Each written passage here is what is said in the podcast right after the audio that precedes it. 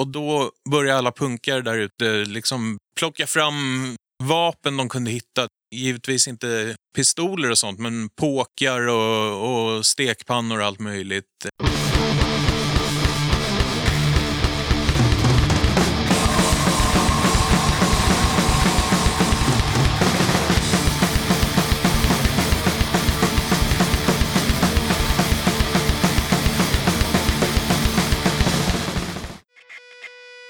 Avsnittet presenteras i samarbete med Spinroad Vinyl Factory som just nu har åtta veckors leveranstid. Och inte nog med det, så får du 10% rabatt med koden Dödakatten 10. Spinroad Vinyl Factory har funnits sedan 2018 och de pressar både 7 och 12 tum med möjlighet till helt unika färgkombinationer. Bara gå in på spinroadvinyl.com och lägg din order eller mejla till info spinroadvinyl.com idag. Tjena! Du ska känna dig varmt välkommen till avsnitt 172 av Döda katten Podcast. I det här avsnittet tar jag med ett snack med Micke och Rille från Second Class Kids Magazine. Vi snackade om vad de gamla fanzinrävarna har haft och har för projekt, såväl text som musikmässigt. Självklart pratade vi om Second Class Kids Magazine, men också en hel del om andra grejer i allmänhet och om punk i synnerhet. Det blev ett kul snack där det stundtals svävades ut lite, men så ska det vara. Ordet är fritt i podden. Innan jag rullar igång snacket med Micke och Rille så blir det några inskickade tips och en hel del inskickad musik. Men innan det så påminner jag om att du som lyssnar på katten, du får jättegärna stötta mitt arbete med den här podden via Patreon eller genom att köpa Döda Kattens merch. All information om merch och Patreon det hittar du på poddens hemsida, dödakatten.se. Johan på Flyktsoda tipsar om en sjua. Den 8 februari släppte Flyktsoda Records en split-EP på vit 7-tumsvinyl med grindcore-akterna Axis of Despair från Örebro med bland annat trumslagaren från Nasum och Brainwasher från Göteborg. Skivan innehåller sex låtar riktigt trevligt mangel och har utviktbart omslag. Kostar 80 spänn plus porto. Beställningar görs via mail till flyktsoda14 gmail.com. Vill du pusha för kommande spelningar, videos, böcker, fanzines eller liknande? Ja, då är det bara att dra ett mejl till dodakatten gmail.com. The Arson Project har hört av sig och skriver. The Arson Project släppte en ny låt och video den 26 februari som kanske faller er i smaken. Låten är den första från vår kommande platta God Bless som släpps i sommar på vinyl via Denihil, Sverige, Lixiviat, Frankrike och Here and Now, Italien, samt på CD av Power It Up, Tyskland. Skivan är inspelad av Ulf Blomberg, Hoborek i The End Studios i Lund och det är det första vi har släppt sedan förra skivan Disgust som kom ut 2017.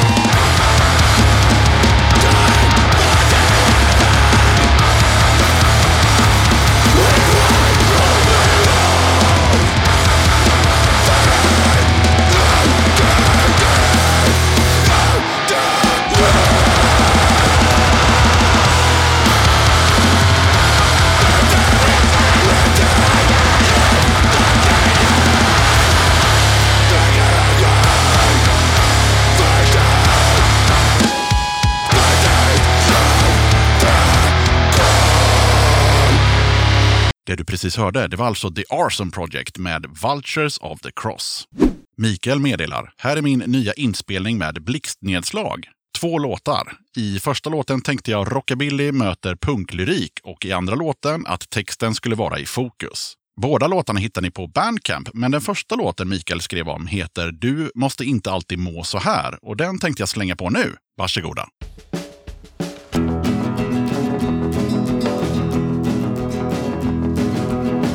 Jag fattar inte vem du är Förstår inte vad du gör men ser du bär på en hemlighet. Din käften går i ett. Du säger inget smart. Du snackar mest runt. Du tjatar om samma sak. Det är ett evigt gnäll. Om du kunde höra på dig själv. Då skulle du tröttna snart på ditt gamla tjat och kanske tänka på en ny start. Hur illa kan man må? Du har blivit bitter och sjuk. Det stormar i ditt glas. En orkan huvud.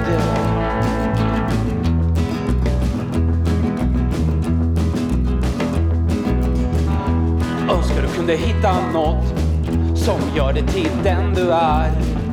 Som får din värld att bli ljus, inte nattsvart. Men det verkar inte gå. Du är fast i gamla spår. Skam och tid allt du har.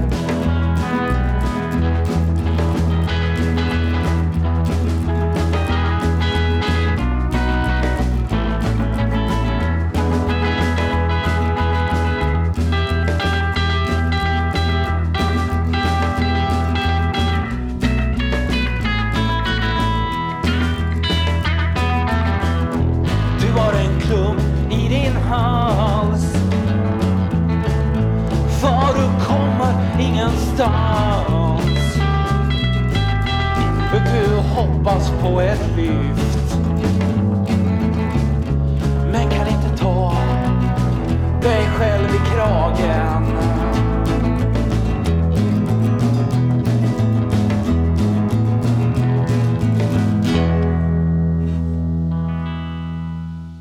Jerry Cobra har droppat några rader och skriver. Djävulen möblerar om släppte ny singel den 8 mars. Låten Misstag är tagen från kommande albumet Trubbelmagnet. Albumet släpps på vinyl och digitalt av Bollmora Records den 12 maj.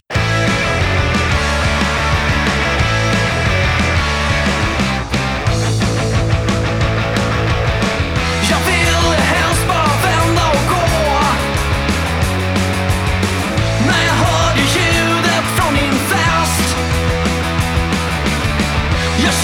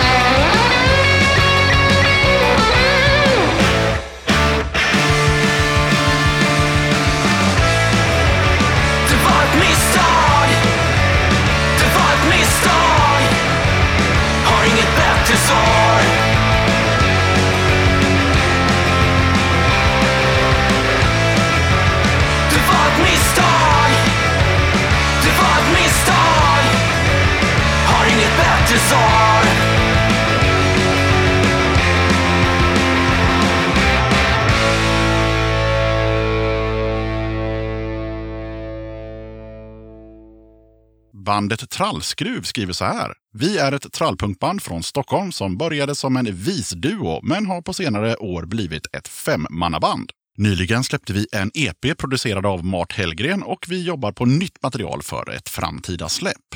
Ni kan se oss i vår på Påskpunken i Hofors, Vårjackan i Haurida och på Hugo Fjäderben i Fagerhult. Här kommer en låt från nya EPn som heter Planeter och grejer som handlar om hur dumt det kan bli om man förlitar sig på ålderdomlig skrock och skryt.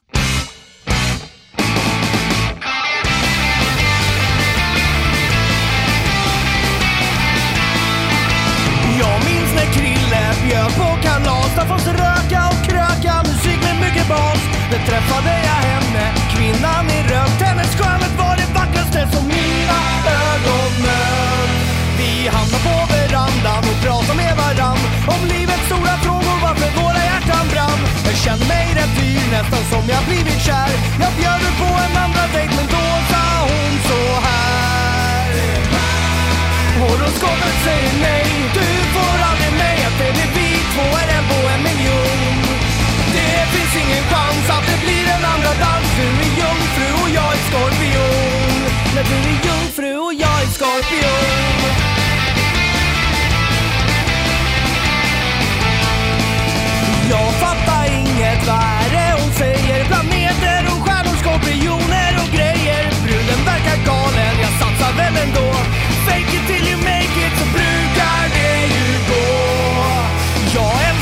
Älskar varenda position. Från liggande stolen till flygande kalkon. Hon skrattade åt mig, la handen på mitt lår Hon sa jag tycker du är fin men jag tror inte att det går. Horoskopet säger nej, du får aldrig mig Att det blir vi två är en på en miljon. Det finns ingen chans att det blir en andra dans. Du är jungfru och jag är skorpion.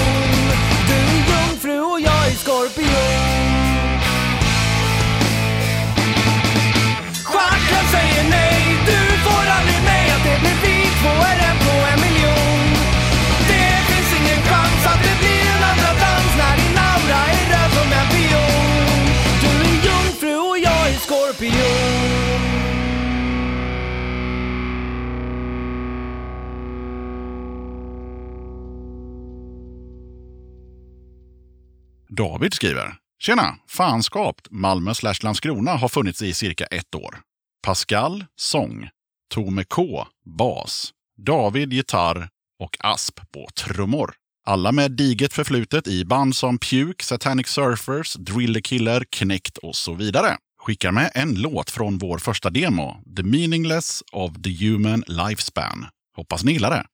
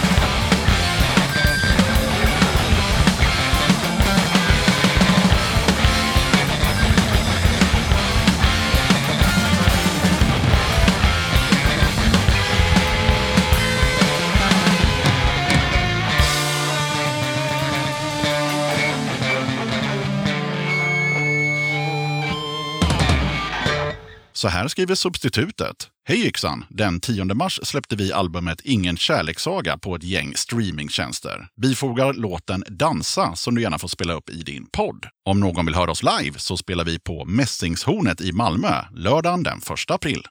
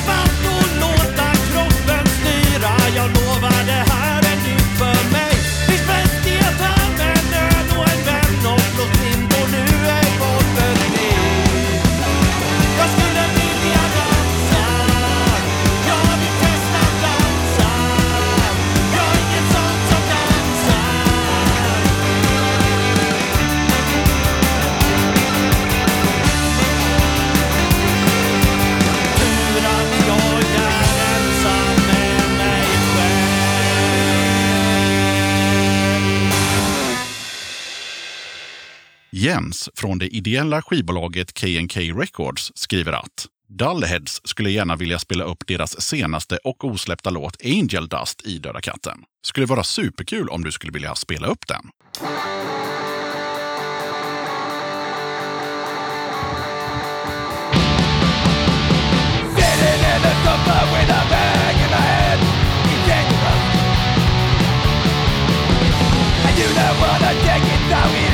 In Like an on my shoulder tells me to stop. But I don't know how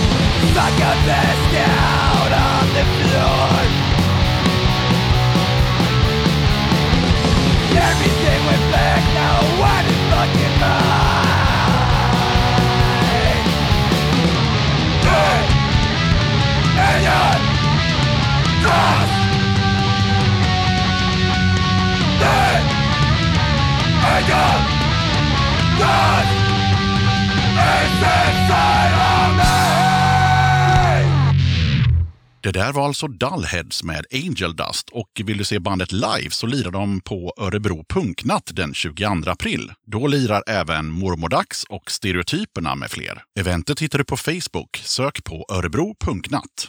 Lukas skriver så här. Vi är ett nystartat skatepunk HC-band från Konsvinger, Norge, som heter Light at the End. Vi är fem relativt vuxna gubbar med bakgrund från punk, hardcore, metal och två Kiss-tributeband. Vi repar på Eidskog Rockerklubb och gjorde vårt första gig i februari i år. Vokalist är Gisle Bangsund från punkbandet Riots. I övrigt består bandet av Anders Olsen Bröntveit, bas och gap.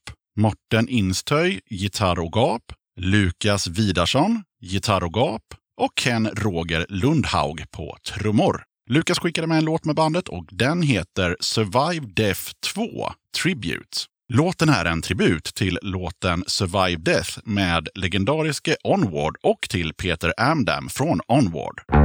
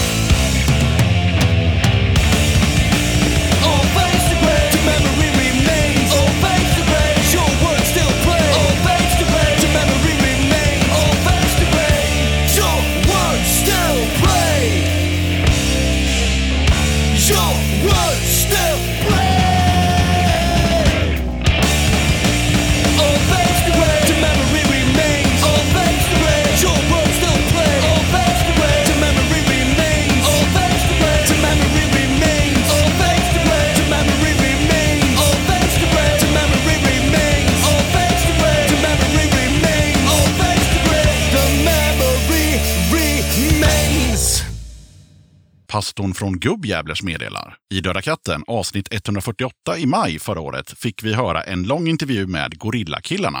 Punkveteranerna från Stenungsund berättade bland annat att de var på gång med en ny EP.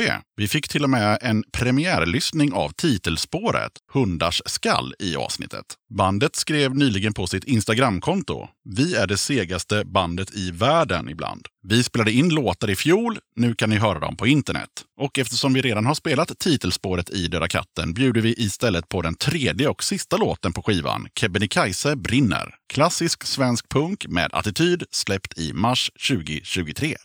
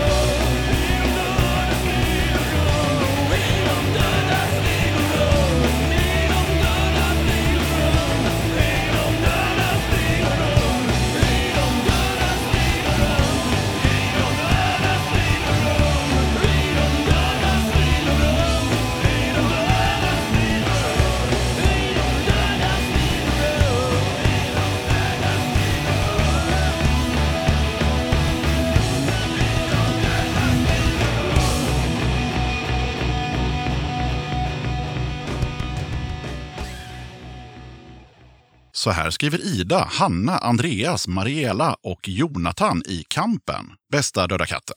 Kampen är ett folkpunkband från Göteborg som formades under senare delen av 2022. Vi laddar med dragspel, tvättbräda, gitarr och kajun. Och eh, det som sammanförde oss eh, nu när vi tänker på det, det är nog allt. Rödsvart politik, engagemang, glädje och stora punkhjärtan. Kampen spelar lika väl på gatan, i parken, på manifestationen, klubben eller festivalen. Vi sjunger om klasskamp, rättvisa, feminism och ibland om att bli fulla. Vi har i dagarna släppt våra två första singlar på Spotify. Vi kommer att spela in och släppa mer under våren och hoppas på att komma ut och spela så mycket det bara går. Närmaste giggen är på Valborg 30 april på Skeppet Gbg och dagen efter den 1 maj på Klubb Klasslös Syndikalistiskt Forum Gbg. Kolla in och kontakta oss gärna på sociala medier. Instagram, Kampen Gbg. Facebook, Kampen Folkpunk Gbg. Vi skickar med våran singeldebut Molotov som släpptes den 8 mars. Nedtryckt och sliten och full av misär Utan någon framtid, hamnar jag här?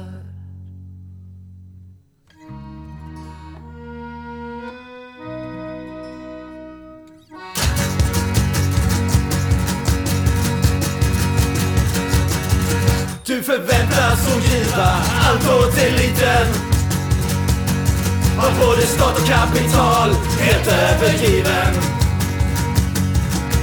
Slänger av sen brödbit då och då. Trots att vi är så många och de är så få vi är så många och de är så få. Bensin i en molotov tänds av frustration.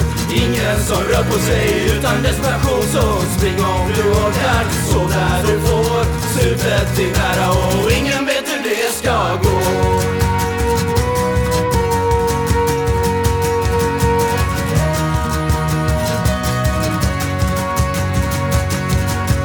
Hyrorna stiger då från skulder aldrig fri Huvudet i sanden, problemen förblir. Släcka elden med droger, det gjorde du förr. Men nu är verkligheten här och det knackar på din dörr. Knackar på din dörr. Måste göra motstånd varenda jävla dag Ända in i min grav Har en lista med våra krav. Sluta profitera på vapen och bomber Det görs i vårt namn Invånare av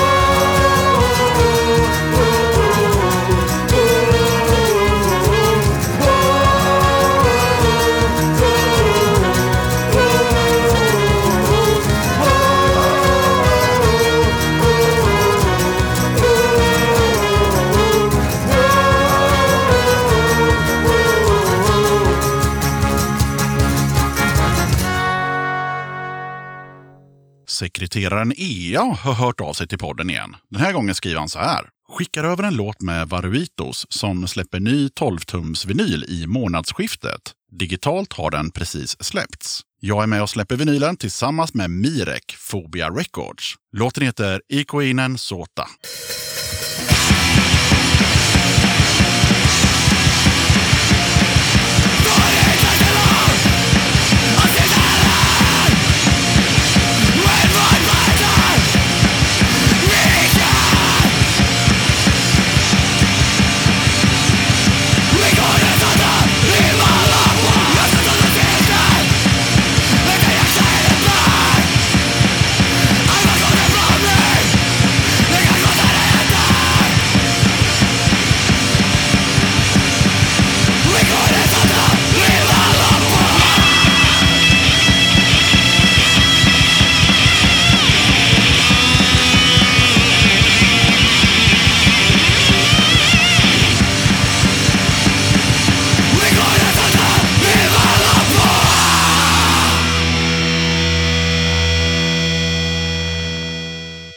Du som lyssnar du får gärna skicka in din musik till podden. Maila lite info om dig eller ditt band till dodakatten gmail.com och skicka med en låt i WAV eller MP3-format.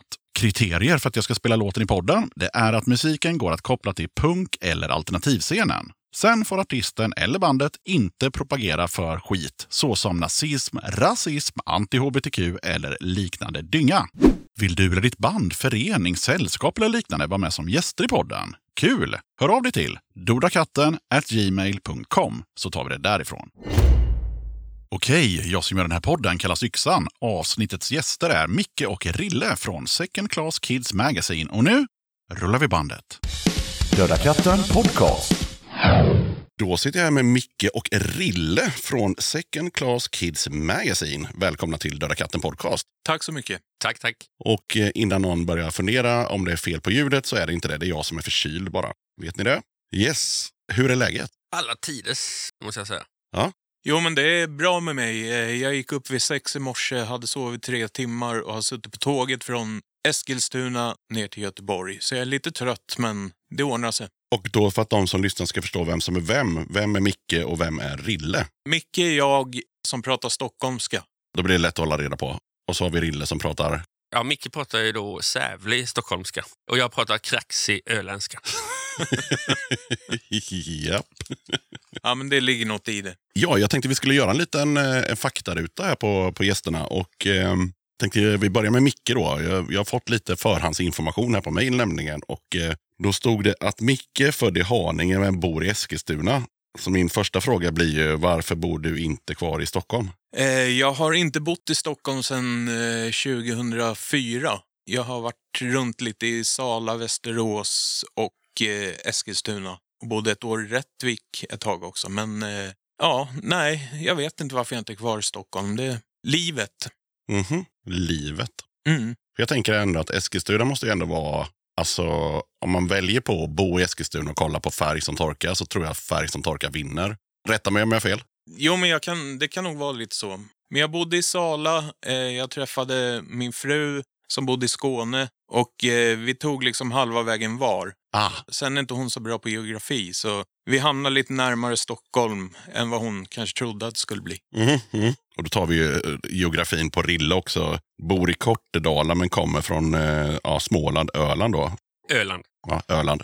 Men Öland tillhör Småland? Nej, det är eget landskap och så vidare. Det tillhör väl Småland? Vilket landskap skulle det tillhöra annars? Öland är ett eget landskap. Däremot så tillhör det Kalmar län om vi pratar polismyndigheternas indelning. Det där med län och landskap och kommuner och landsting Mm. kommer aldrig lära mig. Nej. Öland har två kommuner och är ett landskap och är inte ett eget län. Ja, krångligt ska det vara. Men eh, oavsett, eh, varför bor du inte på Öland eller i Kalmar, utan varför bor du i Kortedala som för de som lyssnar är en förort till Göteborg? Ja, precis. Eh, Jag eh, växte upp på Öland och bodde där under hela min skolgång och sen så vidareutbildade jag mig i Kalmar. Och sen så när jag var klar med min utbildning, jag jobbade som lågstadieläkare, så sökte jag jobb och då fick jag först jobb i eh, södra Dalarna. Så jag var rumpmas i ett halvår. Mhm. Jag trodde att jag hade flyttat till Grängesberg, men det hade jag inte. Jag hade flyttat till Grängesberg.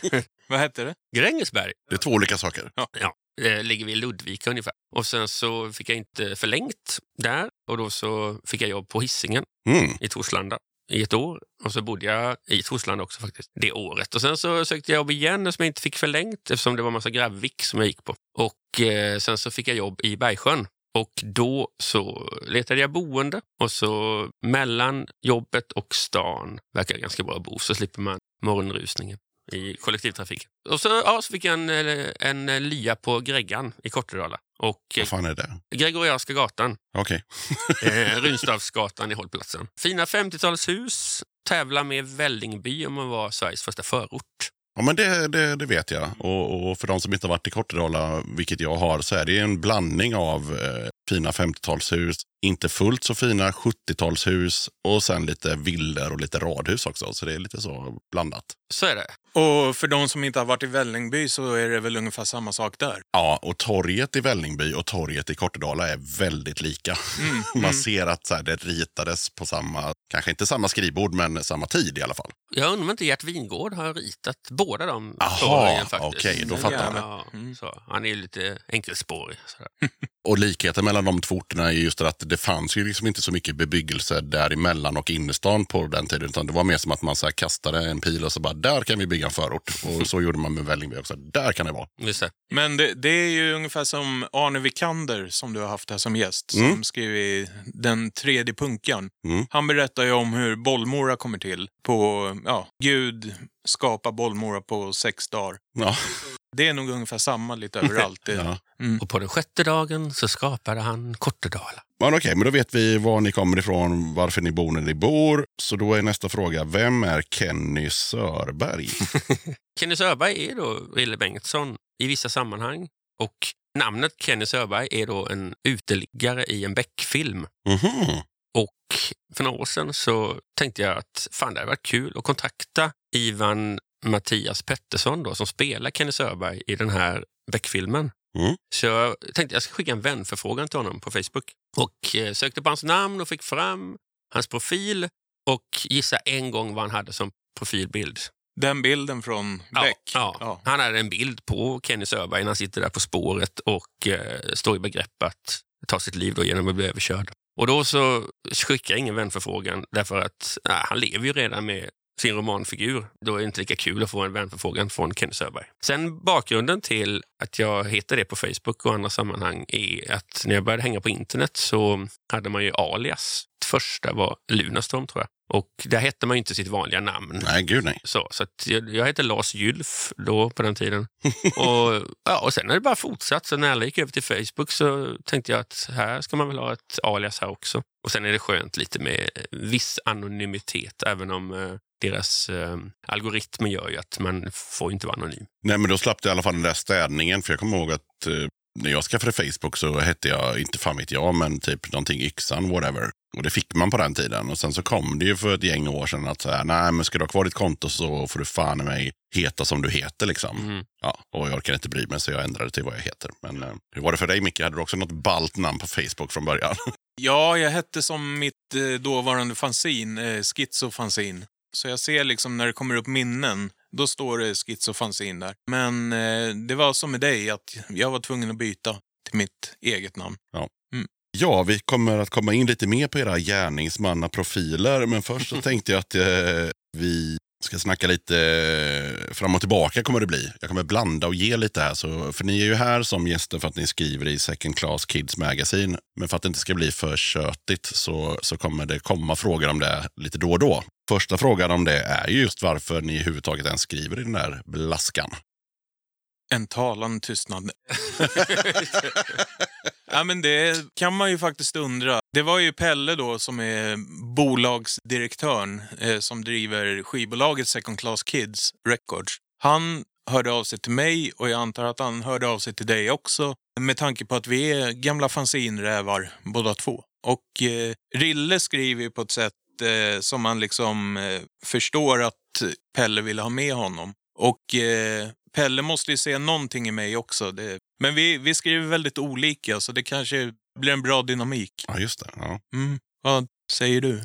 Ja, Pelle dök ju upp där när jag hade gjort mitt trallpunksfanzin några år. Och eh, han var ju väldigt, eh, han var ganska på sådär som han är. Det är en driftig karl sådär. Så att han tog kontakt och eh, etablerade en kontakt. Så att vi, det var nog mest han som ringde, men vi hade telefonkontakt ganska frekvent. Och eh, sen så, eh, ja, han var väl uppskattande min stil sådär, skrivandet. Så eh, jag blev inte jättepaff när han frågade om jag ville skriva för, för hans planerade magasin. Jag gillar när folk inte är så jävla ödmjuka. Nej. De är så här, ja, men det kändes ganska rimligt att Ja. han ringde mig.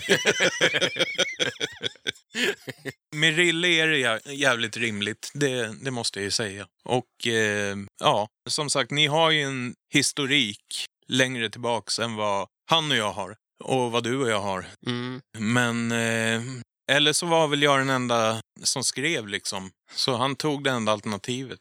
Pelle är ju en, eh, ja, en beräknande karl kan man väl säga. Sådär. Han tänker igenom saker. Och jag tror du var inne på rätt spår att jag kanske är lite yvig i mitt sätt att skriva och Micke lite mer, eh, Objektiv. ja, lite mer klassiskt balanserad och jag kan absolut tänka mig att Pelle ville ha den mixen. Att låta mig gå loss helt och hållet tror jag inte han vågade. Men han vill ändå ha någon slags krydda, eller vad ska jag kalla det för. Kaos. Kaos. Kaoskrydda. Men eh, på tal om eh, Pelle, hur är det liksom att, eh, och nu gör jag citationstecken i podden, men eh, hur är det att jobba med Pelle? Alltså hur mycket har ni själva att säga till om när det gäller liksom blaskans innehåll och utformning och sådär? Vi har väl egentligen allt att säga till om, känns det som. Det är väl klart att han styr, men eh, vi har väl haft fria händer mer eller mindre.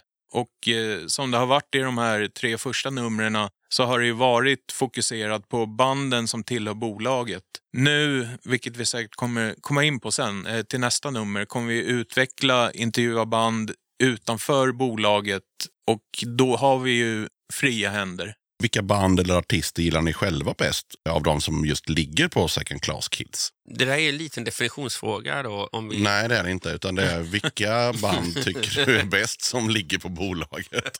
Som ligger och har legat på Ja, det bolaget. kan, man, det kan man ta också. Det är helt okej. Men, men eh, som har släppt någonting på det här bolaget. Okej, ja, men då, är- då är ju mitt solklara svar Björnarna. Det är Mm. mitt favorittrallband av de som eh, är aktiva nu. Och Sen finns det några gamla 90-talsband som fan det är svårt att jämföra. Men, men Björnarna är nog nummer ett för mig. Mm. Sen så eh, vill jag även lyfta fram Slutstation Tjernobyl och Laskaj 14 kommer man väl inte undan även om jag är en sucker för skumdum som ni kan se på tröjan här. Ja, såg du dem i Örebro? Ja, gjorde jag. Helt eh, otroligt. Jag var icke kontaktbar enligt eh, fruktansvärd Thomas. Och jag tror honom. Jag har aldrig lyssnat på dem eh, sådär. De gick under radarn eller så hade jag väl börjat lyssna på, på Anticimex. Mm. Men eh, jag såg hela konserten. Jag tyckte det var svinbra. Mm. Och det blir ju två olika lyssningar då. För dig då som, som gillar dem och kan låtarna och för mig Mm. som bara kan den här Lisa-låten. Så eh, jag var positivt överraskad. Så gillar jag också när man, vilket har blivit Örebro Punkfest eh, signum, att man, man skakar liv i något band Mm. som ska spela på festival. Det har de haft varje gång. Mm. Och eh, intervjuade dem och det avsnittet kommer komma ut efter erat och där lovar de att det kommer hända nästa år också, 2023. Ja. Jag säger absolut inte Lastkaj. De är jävligt bra, men det finns intressantare band på bolaget. Och eh, jag håller med om Björnarna, att det är det absolut bästa svenska trallbandet kanske någonsin, vågar jag säga. Sen vill jag även nämna Norra Hospitalet och eh, Sardonumspa. Mm. Ja, men det är de tre som ligger högst upp. Och ehm, Björnarna har varit med i den här podden, så de kan ni lyssna på om ni vill, ni som lyssnar. Och även eh, Norra Hospitalet. Sardo har inte varit med, men det hoppas jag kommer hända i framtiden. Vi ska spela musik i det här avsnittet och då måste ni absolut inte välja låtar från Second Class Kids, men ni ska få välja två låtar var så att vi har lite pausunderhållning. Och då har jag bestämt att Micke ska välja den första låten, så vad fan blir det? Det blir ju Second Class Kids mani på den här låten. Det blir Sardo Numspa som kör en cover på Kardinal Synd och låten heter Baltic City. Och förhoppningsvis har eh, låten kommit ut när det här avsnittet sänds. Ja, för tanken är ju att det här avsnittet ska komma ut eh, innan eh, nummer fyra av tidningen. Min plan är att det ska komma ut den 15 mars. Mm. Och då har inte tidningen kommit ut va? Nej. Nej. Vad bra, men kommer komma väldigt snart. Mm. Mama, ist dir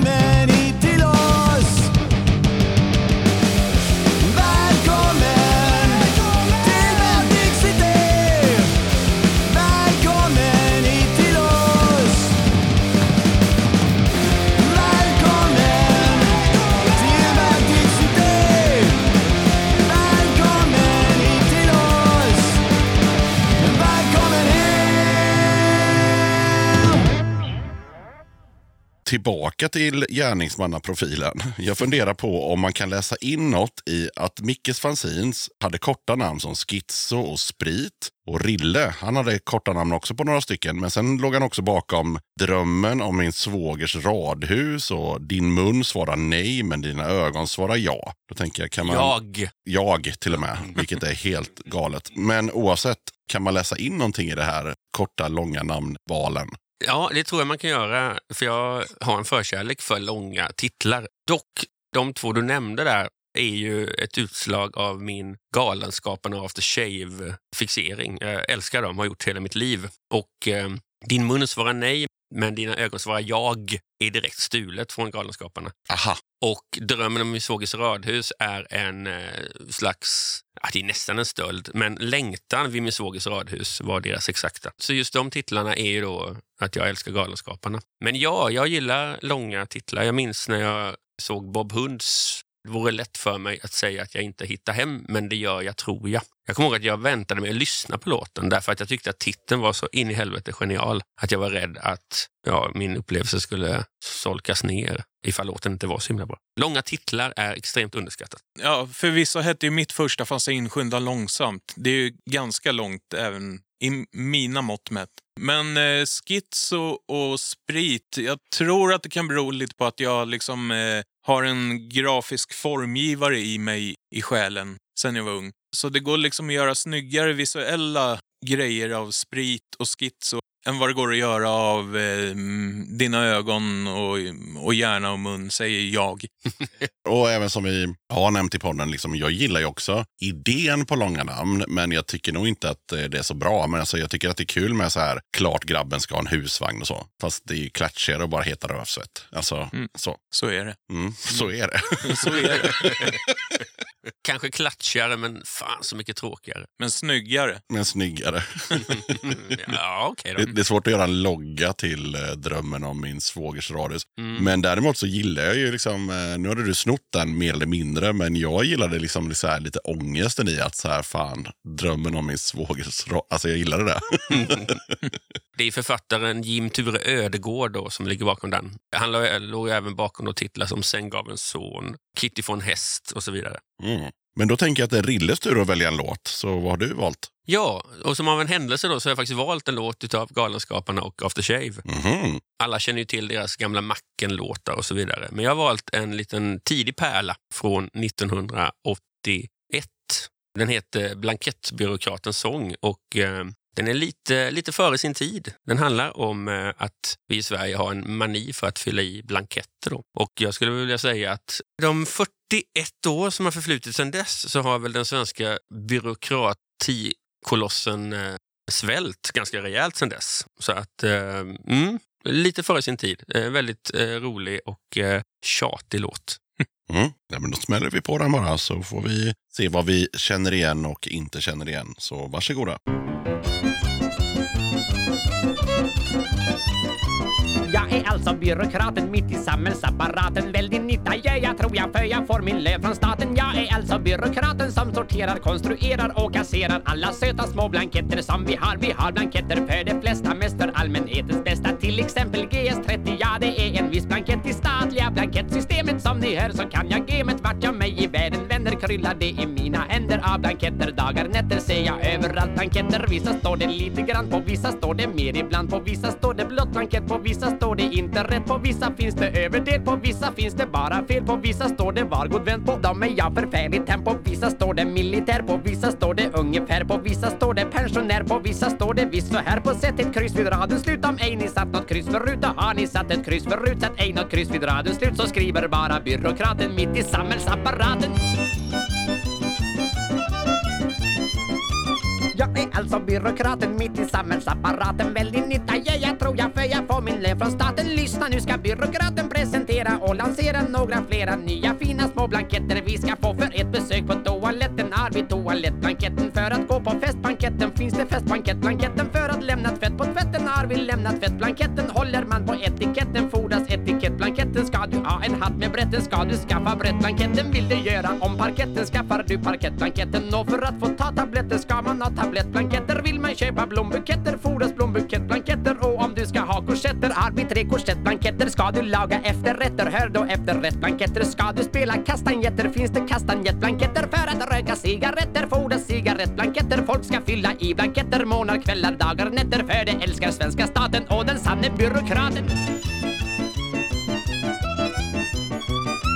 När man köper tågbiljetter fordras tågbiljettblanketter. När man viker tygservetter fordras vikservettblanketter. När man badar så det skvätter ska man skaffa skvättblanketter. För att kunna få blanketter fordras det blankettblanketter. För att få blankettblanketter fordras det att man fyllt i minst två blankettblankettblanketter. Och blankettblankettblanketter får man först sen man fyllt i blankettblankettblankettblanketter. Och blankettblankettblankettblanketter får man när man har blankettblankettblankettblanketter. Blanketter, blanketter, blanketter, blanketter, blanketter, blanketter, blanketter, blanketter, Dränk mig i en hög blanketter. Men för de som inte känner till Second Class Kids Magazine så är det ju så att de tre första numren de har ju innehållit band från skivbolagen och det var det som du var inne på där mycket. Och så har det varit enbart intervjuer. Men nu till nummer fyra tänkte ni ändra lite på det och det är allt jag fått reda på. Så då fattar man ju att okej, ni kanske ska prata med band som inte är med i skivbolaget. Ska ni göra något annat förutom intervjuer? Vi kommer väl ha någon, åtminstone en gästskribent vad jag har förstått. Ja, oj Martin. Mm. Martin Johansson, Grönpeppar. Och då ska jag säga till er som lyssnar att det är den 10 december nu så jag gissar på att en del grejer kanske fortfarande är på ritbordet eller? Det är precis så det är. Vi håller liksom fortfarande på och kontaktar band och ja, men planerar vad vi ska ha, hur vi ska utföra saker. Det kommer ju bli intervjuer, det blir recensioner på något sätt. Eh, förmodligen inte de vanliga recensionerna sådär, utan Pelle har väl någon idé på att vi ska göra det som något låtsnack på något sätt. Jag vet inte riktigt hur han har tänkt det, men Jag är lite sugen på en ny dokusåpa. Jag gjorde en dokusåpa då, ett av mina gamla trallfanzines från 90-talet och eh, det har tillkommit många karaktärer i scenen sedan dess. Sen kanske dokusåpa är, det kanske är lite daterat som koncept. Jag tror det. Ja, vad är det som gäller nu då istället? Det är det eller i och för sig, man kan nog kalla det dokusåpa det som går nu också. Jag kollar ju aldrig på tv. reality... jo, men släng, släng in Pernilla Wahlgren så ordnar det sig. Ja, just Ja, det. men lite sådär. Det är lite ändå Jocke och Jonna och alltså det är lite sådär. Det är ändå lite reality-grejen. Typ såhär någon slags spin-off från Ozzy-grejen. och håller väl fortfarande på Naked Attraction och ja, Mm. konstiga Mm. format. Men det låter som man skulle kunna göra lite nidporträtt, teckna lite nidporträtt av eh, scenpersonligheter. Det är jag lite sugen på. Får vi se ifall eh, Rosie Land. mm, mm. Mm. Tänker folk så här, helvete vad mycket musik det blir. Men det blir bara fyra låtar. Men eh, den tredje kommer ju nu och det är Mickes nästa låt. Så vad har du valt som låt nummer två? Jag har valt ett band som heter Pass Out och en låt som heter A Few Minutes. Och eh, grejen är att, eh, ja, det känns lite ego, men det är mitt gamla band från 90-talet som jag tänkte bjuda på. Den låten var med på olika samlingsskivor när det begav sig, så någon kanske känner igen den. Mm. Till och med jag kanske. Jo, men den var även med på Sörlings, eh, den här med svin... Nej, vad Stian. fan hette den det? Den dubbel-LPn. Mm. Så han tyckte om den, Erik Niva tycker om den och jag hoppas att ni kommer att tycka om den också. Kul! Mm. Ja, men då smäller vi på den. Varsågoda.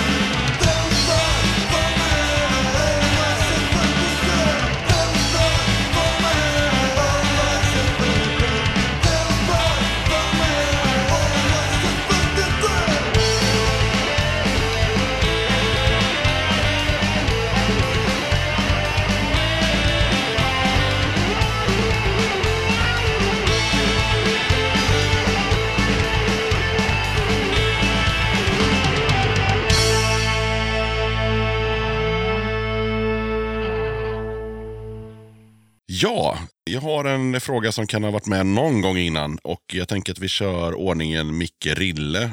Vad betyder punk för dig? Alltså det betyder ju mycket. Alltså när, när eh, vi bestämde att vi skulle vara med här i podden, då gick jag ju hela tiden och tänkte nu måste jag säga något smart och så. Och eh, jag kom på massa smarta saker som jag givetvis har glömt bort nu. Men för mig är punk musik, det är politik.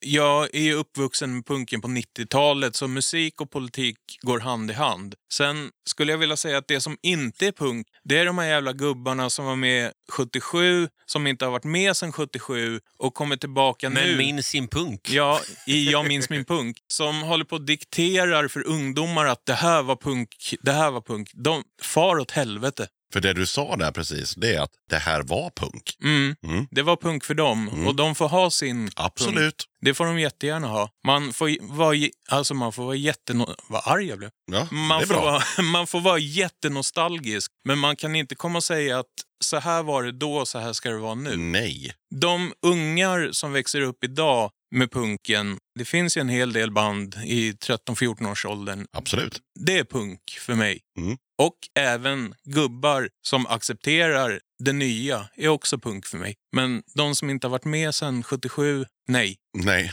Så acceptans är punk för dig. Det är det. Ja. Mm. Jag la orden i munnen på dig. Rille. Ja, jag skulle vilja dela upp frågan i tre svar tror jag. Nummer ett då, och det är och förblir nummer ett, det är ju själva musiken. I mitt fall då, trallpunken. Hade jag inte älskat den som jag gör så tror jag inte att jag hade blivit punkare. Och så nummer två är då do it yourself-kulturen, underground-scenen, som eh, jag föll handlöst för ganska omgående faktiskt. Jag började köpa fanzines ganska direkt när jag började lyssna på punk av någon konstig anledning. Och jag började också beställa kassettdemos, ofta då som jag hade läst om i fanzinen. Jag minns när jag fick hem mitt första fanzin också så tänkte jag direkt att det här ska jag göra. Men mina föräldrar hade varken någon skrivmaskin eller dator på den tiden, så jag fick vänta ett par år. Men så fort de köpte en dator så satte jag igång direkt. Så att eh, underground-scenen är nummer två. Och nummer tre, eh, det är väl det här lite mer samhälleliga då. Att punken är någon slags sekulär eh, välgörenhetsverksamhet. Sådär. För vilsna ungdomar och för eh, samhällets olycksbarn och personer som känner sig i någon slags utanförskap. Och så hittar man en, en gemenskap där. Och det ska man inte förringa såklart. Även om det i mitt fall kanske inte handlar så jättemycket om gemenskapen egentligen. Möjligen då att jag hittade någonting som kunde ta hand om mitt åtminstone upplevda utanförskap. Även om jag egentligen inte... Jag, jag är en medelklassunge, jag är inget att klaga på. Men eh, som många andra punkar så kände jag väl något slags utanförskap inombords. Och punken blev en eh, liten kanal för det. Men med det sagt så kanske Adessive var rätt ute att punk is a bunch of motherfuckers with funny haircuts. Man kanske inte ska problematisera så himla mycket. Det som du var inne på Micke, att punk 77. Ja, det finns saker i punk 77 som är samma 2022 för vissa människor. Men det är också någonting helt annat för någon annan. Ja, men vi var inne på det här med dokusåpa. Är, är det ens relevant längre? Håller folk på med alltså, du vet, så här, Det har bara gått några år. Punk är fortfarande liksom relevant, kan jag tycka. Fast i kanske en annan form och sådär. Men det finns ju fortfarande som ett begrepp. Det finns fortfarande punkare. Och det fanns det för 40 år sedan också. Mm. Ja, men så här, det finns inte så många grungeare idag till exempel. som Nej. glider runt på gatorna. Nej. Och trots att 90-talet är tillbaka så är det ju de här fula delarna av 90-talet som är tillbaka. Det är page eller det är pottfrisyrer. Och det är... Fula jeans har jag sett på Ja, spårvagnar också. fruktansvärt, De här jävla fruktansvärt. 90-tals Vanilla Ice jeansen som folk Ja. glider runt i. Kom igen! Ja, det är för jävligt. Jag vet inte om vi kom in på det, men vi pratade om Örebro Punkfest tidigare. Mm. Jag vet inte om det var på den här ungdomsgrejen på lördagskvällen. Ung punk. Ja, den här punkens eh, återväxt. Det var något extra faktiskt att se.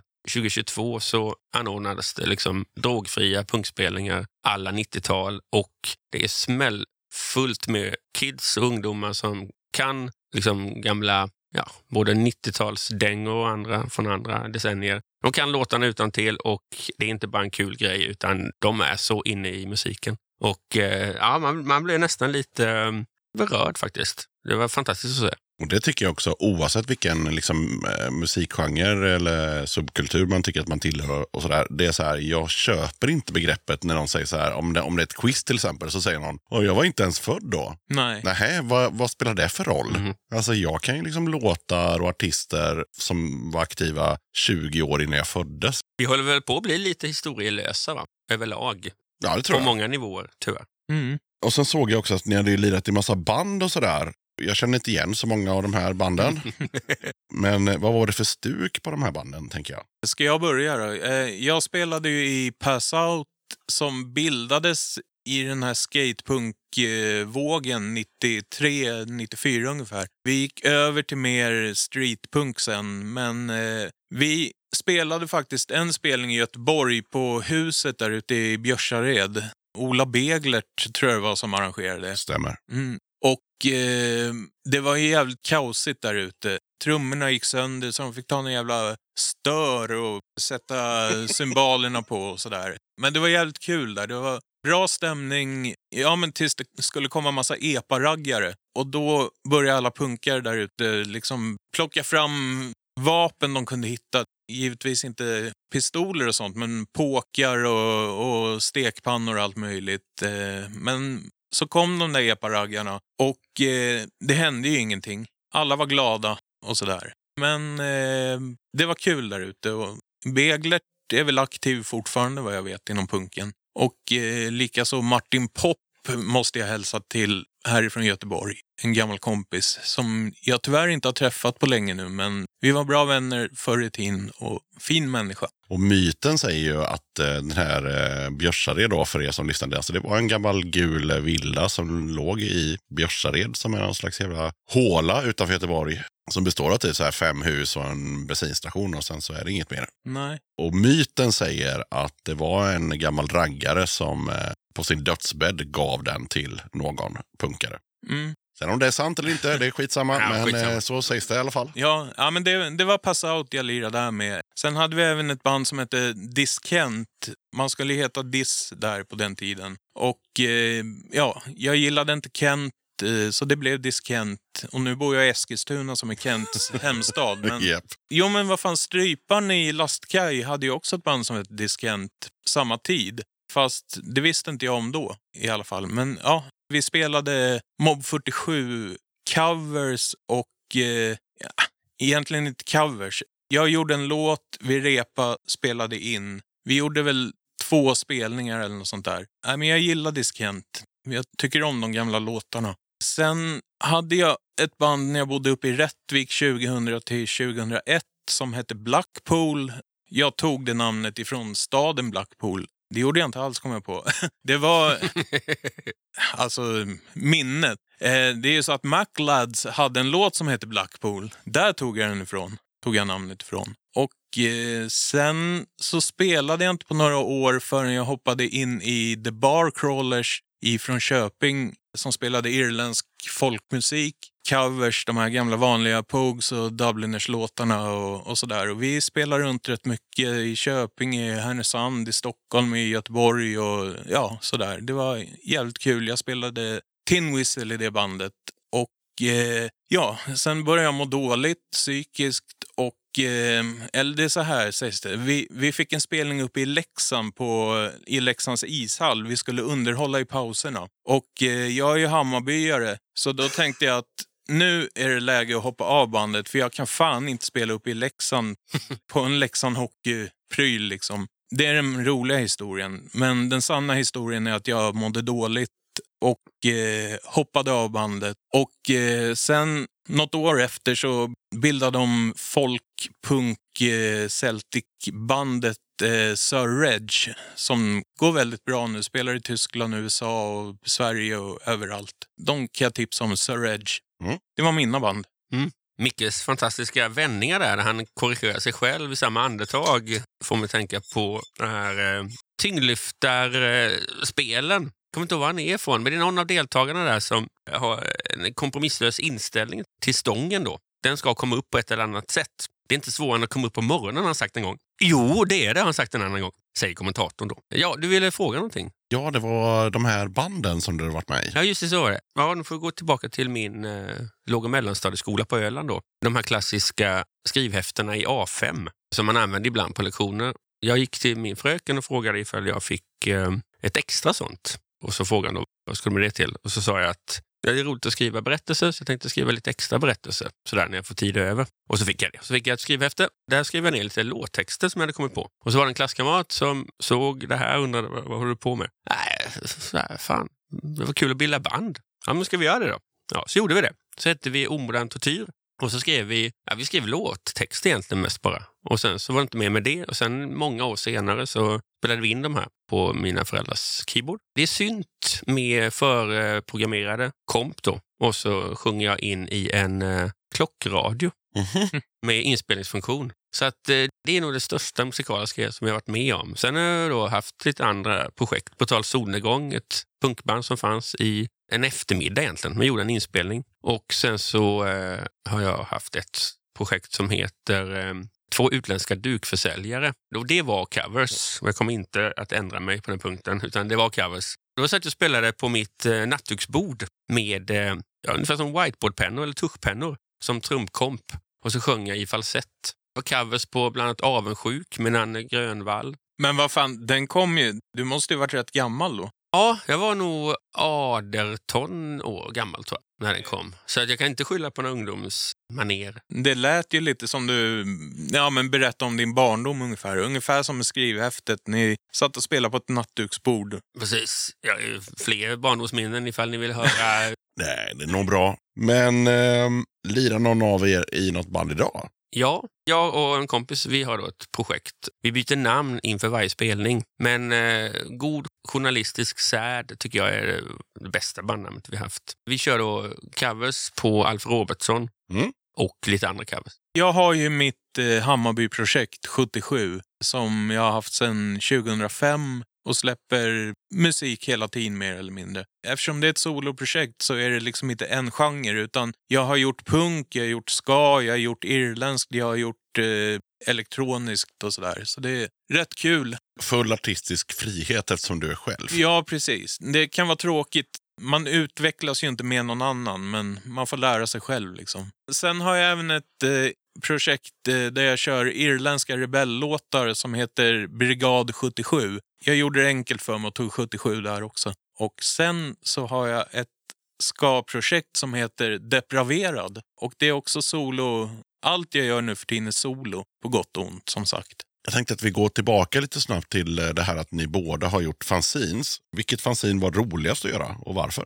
Ja, men det är klart att det första var roligast, Skynda långsamt, som jag gjorde med min bror. Men eh, även tragedi fanzin har varit roligt. Ja, men även schizo fanzin, fast det var på engelska. Så det, det blev inte samma hjärta i det. Men eh, jag fick mycket kontakt med band från hela världen och sådär. Det var under MySpace-eran. Ja, just det. Mm, den känns bortglömd nu, men MySpace var jävligt bra på den tiden. Otroligt bra. Vi har pratat om det många gånger i podden och konstigt nog finns MySpace kvar men det funkar liksom inte. Nej. Nej. Mm. Undrar om det är någon som betalar för de där servrarna eller något. Ingen aning. Men det, man kan inte gå in. Alltså man kan gå in men det händer ingenting. Nej. Men det finns kvar. Ja, men som sagt, den, den som betalar för den servern eller servrarna som ligger på, det måste vara de sämst spenderade pengarna. Nostalgiskt värde ska man aldrig underskatta.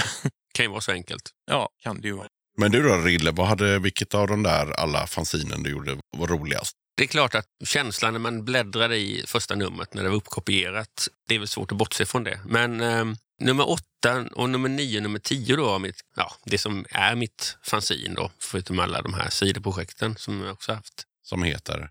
Ja, de heter Kaffe och Slips och eh, Skägg. Alltså, de, de var ju också roliga. Jag vill ju gärna prata lite om Fredrik Kullman i den här podden. Och jag tänkte, nu kanske det är läge att göra det då. När jag bestämde mig för att, eller när jag hade möjlighet att börja med mitt fanzin så fanns det då en kille som heter Fredrik Kullman på Öland som var sex år äldre än vad jag var. Och han höll också på med fanzin och eh, vi kände inte varandra på den tiden. Men han var liksom någon slags parallell inspirationskälla. Han höll på med indiepop och hardcore. Men eh, Han gjorde då sitt fanzine Promenade på den tiden som sen blev Normal Man. Och så gjorde han ett sidoprojekt som hette Krig fanzine. Och så hade de någon slags, sån här, slags slogan, liksom. nu är det fan krig. Ja, apropå då snärtiga namn. Och då gjorde jag ett fanzine som var en ren parodi på Krig fanzine som hette Skägg fanzine. Och då utgick jag ifrån de inslagen som man hade haft i Krig fanzine men liksom transformerade om det i någon slags skäggkostym. Och de allra flesta tyckte att det var helt jävla obegripligt. Så jag fick väldigt sval respons på det här fanzinet. Förutom av Kullman som, eh, ja. Men alltså, hur transformerar man om det till någon form av skägggrej? Liksom? Jag fattar inte. Jag tog väl hans inslag och sen så liksom vred jag på dem lite och ändrade innehåll. Och om det gick så, eh, alltså skägg var med i recensioner, i låtsnack, i alla inslag. Sådär. Det var väldigt roligt att göra för att det var så superinternt. Men då kan man också förstå det svala mottagandet, för det är nog ganska få som förstår om man översätter krig till skägg och gör en Ja. tidning av det. Men eh, vad ska vi säga, hatten av för bra försök. Ja, exakt, exakt. Jag gjorde ett liknande fanzine som hette Kaffe fanzine som var en parodi på kvällstidningar. Och det blev inte heller särskilt uppskattat. Jag tog ett Aftonblad och sen så, så tog jag liksom de artiklarna som var i den och skruvade lite på artikelförfattarnas namn, vred lite på innehållet. Men ganska mycket var också då att jag tog formuleringarna rakt av och så någon liten så här torr knorr på det hela. Mhm. Jag tyckte det var extremt kul och fyndigt, men eh, jättesval respons på det också. Vi gjorde faktiskt det i mitt fanzine. Då tog vi ju ehm, horoskop och så gjorde vi om dem så att de blev lite punkigare. Och så tog vi också tv-tidningen som var stor på den tiden. Ja. Ja, men det, det minns jag att ni gjorde, där med tv-tablån. Ja. Det är tacksamt och jag tycker, jag tycker det, är, det är evigt roligt också att liksom parodiera befintliga saker. Det är klart. Här har vi ju liksom grejen med Second Class Kids. Om man lyssnar på Rilles beskrivningar av hans projekt som kan vara lite svåra att förstå kanske, men ändå, det är underhållande. Någon slags metodik. Mm, och jag är lite mer eh, objektiv och sansad, så det, det blir nog en jävla bra dynamik i Second Class. Jo, men det tror jag. Jag tänker också att eh, Rille ska få den stora äran att välja den sista låten. Alltså den som jag ska klippa in sådär tjusigt på slutet som jag brukar göra. Så vad har du valt som din andra låt? Ja, även min andra låt är då en låt utanför punken. Men jag har valt ett slags tema. Mm. För det är också en låt som är före sin tid. Det är Hemliga byrån, Anders Jakobsson och Sören Olsson som har skrivit böckerna om Sune och Bert och massa nya romanfigurer. Örebroare va? Örebroare, absolut. Precis. Kära örebroare. Exakt. Mm. Och de har dessutom de har ju spelat in en låt, en hyllningslåt till, alltså liknande 77 då, till Örebro SK. Jag tror den heter Eiravallen, låten. Mm. Men det är inte den jag har valt, utan jag har valt en låt som heter Hjärtattack. Och den eh, handlar om att vi lever i ett alldeles för högt och stressat tempo och att det ger utslag på vår hälsa. Och den här är ju då från 80, eller den är kanske från prick 90.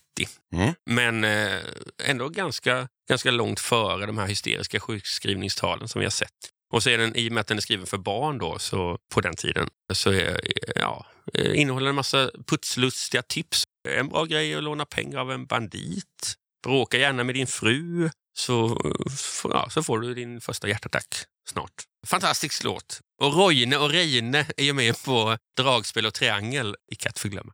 Alltså jag tycker ju att eh, låtvalet i det här avsnittet är ju exceptionellt roligt. det ska bli jättekul att klippa ihop.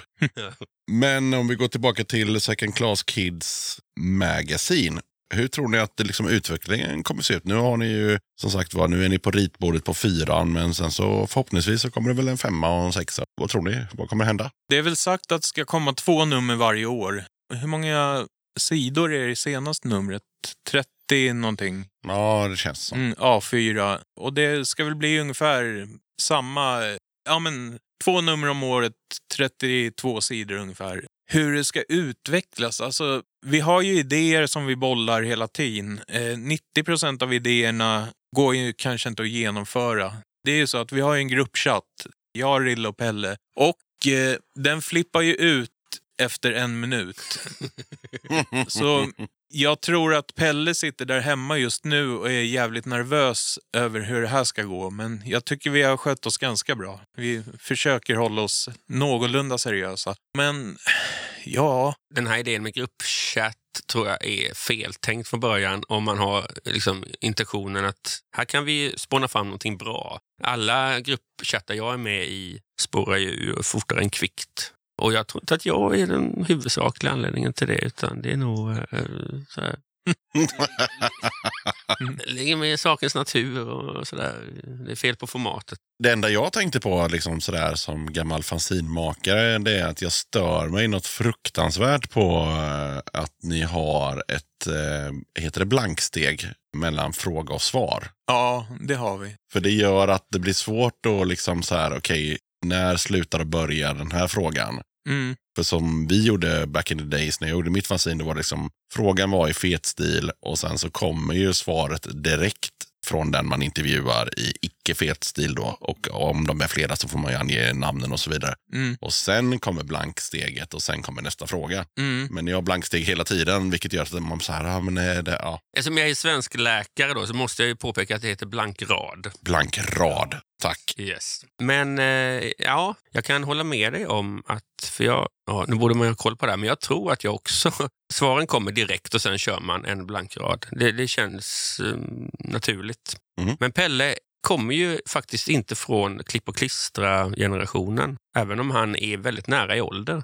mig och Micke. Men jag är ganska hundra på att han gjorde sina fanzines i, i datorprogram och eh, det behöver inte ha något med saken att göra, men eh, Innan jag ens kom på så här, eh, stör jag mig på det här för att jag är, har någon sjukdom i huvudet eller någonting, så kollade jag gamla fanzines, men jag kollade också tidningar, alltså typ Aftonbladet och så vidare. Man gör inte så, man lägger inte ett blanksteg efter, man gör inte det. eh, Kort och gott. Jag tycker det är helt rätt att du tar upp det här och jag skulle nog själv vilja ställa Pelle till svars. Att, eh, du, Pelle! du har ett och annat att förklara. Liksom. Det här är inte okej.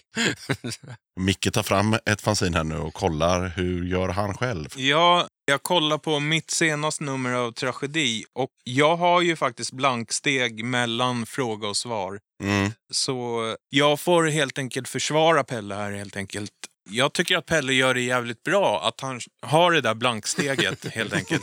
Eftersom tydligen har jag så också i mitt fanzine. Så ni är två mot en eller två mot två. Här idag är vi två mot två. Ja, Mm. inte superviktigt, men eh, jag tycker att det liksom så här knyter ihop säcken bättre om man liksom eh, får det att sitta ihop så. Men det är också i mitt huvud och de flesta kanske inte ens bryr sig, så vi ska inte fastna i det. Får jag bara, det jag tror att jag var ute efter att fiska där när eh, jag pratade om klipp och klistra kontra dator. Att när man klipp och klistrade så var det lite sådär tänket att ja, men det här får jag nog plats med. Och så sitter man där och liksom... Medan när du gör i dator så är det mer att det ska vara luftigt. Liksom. Det var väl den stora skillnaden förutom att estetiken blev helt annorlunda. Men jag kan ju säga att när jag gjorde fanzine så redan från dag ett så skrevs ju texten på en dator. Sen hade jag liksom ingen eh, skrivare eller så, utan jag gissar på att det var typ någon 386 med en eh, diskett som jag skrev ut på biblioteket eller hos någon eh, kompis jobb eller så. Men det var ju fortfarande skrivet på någon typ av Word. Mm. Sen var det limstift och spritpenna och hela grejen. Men ehm, Men layouten gjordes inte i datorprogram. precis. Men ehm, har ni någonting som ni vill pusha för? Ni har ju pushat en hel del längs resans gång här, men just shoutouts. Just det. Ja, jag skulle vilja pusha på att man stödjer varandras projekt i scenen. Att man köper varandras skivor, köper varandras fanzines, demos, eh, även om det kanske är, ja, nu är till och med CDR borta. Det är svårt att prata om demos idag, även om man väldigt gärna vill. Ja, fast kassetter kommer tillbaka nu. Ja. Det har pågått i några år. Precis, och det känns fantastiskt. Och gå på varandras spelningar. Jag har ju en eh, liten fot i eh, den moderna visan också då. Och där tycker jag att artisterna, det är ganska mycket missundsamhet. Man har svårt att glädjas åt varandras tillfälliga framgångar. Jag tycker inte att det är så i punken, utan jag tycker att det finns liksom ett, en annan stöttande inställning. Däremot så tycker jag att man kan bli bättre på att stödja varandra ekonomiskt, så att säga, genom att köpa varandras grejer. Jag upplever kanske att man i ännu högre utsträckning kan gå på varandras spelningar också. Men det kan ju vara saker i livet som gör att man inte har möjlighet utan den fria tiden får ägnas åt de egna spelningarna. Och sådär. Men eh, jag tror att man kan steppa upp även där. Det tror jag verkligen. Det här då när det var väldigt stort med fanzines och demos också. När man var på spelningar så var det alltid folk som gick runt och sålde. Och det hände ju mer än 50 gånger att man köpte en demo eller fanzines och så kom man hem och det här var ju inte alls min grej. Jag ger bort det till någon som uppskattar det bättre. Så har man både då stött scenen och liksom kanske gjort någon annan glad. Det kan jag också flika in att det var en av de stora anledningarna till att jag la ner mitt fanzine. Och det var att jag la massa tid och faktiskt också ganska mycket pengar och tryckte det på ett riktigt tryckeri. Och jag tror att eh, kostnaden för varje fanzine var typ med porto en bit över 20 spänn. Och jag sålde det för 10 kronor. Jag hade med mig liksom mitt fanzine på spelningar och försökte sälja det för 10 kronor. Det kunde liksom vara 52 sidor för 10 spänn. Och då kunde någon kid säga så här, vad är det där för en pamflett? Och då kände jag, nu slutar jag göra fanzine. Jo, men jag har också märkt det liksom att om jag har haft ett fanzine med mig på en spelning och går fram till någon, hej, vill du köpa? Då tar de den och tittar och så får man någon konstig min tillbaka. Jaha, jaha. Nej, de vill inte köpa. Och det har ändå varit liksom folk över 30 som har tittat konstigt liksom. Nej, det där ser misstänksamt ut. Mhm. Och det tycker jag är konstigt. Alltså när det är, alltså jag kan förstå om det är en 14-åring, men Ja, ja, någon som är över 30 som inte vet vad det är. Okej, den- han kanske just har blivit punkare och det är väl okej det. Men man tycker ändå att folk borde känna till vad det är. Ja. Och eh, jag har lagt ner mitt eh, pappersfanzin nu för att jag går tyvärr inte på jättemycket spelningar eftersom det inte är så mycket spelningar i Eskilstuna. Det är nästan ingenting nu för tiden, vilket är tråkigt. Och eh, ska jag kopiera upp det och eh, ja, hur ska jag bli av med dem? För det är ingen som beställer heller. Man köper ju på konserter. Men du är ju, Rille, är ju involverad i ett fanzine nu. Ja, jag satt faktiskt och tänkte på det. Jag och en, en eh, kompis som heter André, vi har startat ett pappersfanzine. Det är ett konceptfanzin. Så att, eh, vi kommer kartlägga Sveriges trall och skatepunkband för och nu. Ett landskap per nummer. Mhm. Jag hade tänkt ta med det faktiskt, men jag glömde det. Men första numret är Gästrikland då. Halvdan permanent heter fanzinet. Och vi har ju inte tänkt sälja det på spelningar. Min kompanjon då går inte så mycket på spelningar utan lyssnar hemma. Och eh, jag har aldrig faktiskt gått runt och sålt på spelningar. Däremot back in the days då, så kunde jag ha med mig ifall någon kom fram till mig och ville sälja demo eller fanzine. Så kunde man då, vi kan gärna byta. Så. Men jag har aldrig orkat eller velat gå runt och sälja. Så att vi, vi säljer ju då bara på internetet. Och eh, det, går, det går ganska bra, får jag ändå säga. Ni har fått många beställningar. Ja, första upplagan på 100 ex sålde slut så här faktiskt. Mm. Eh, Eller så.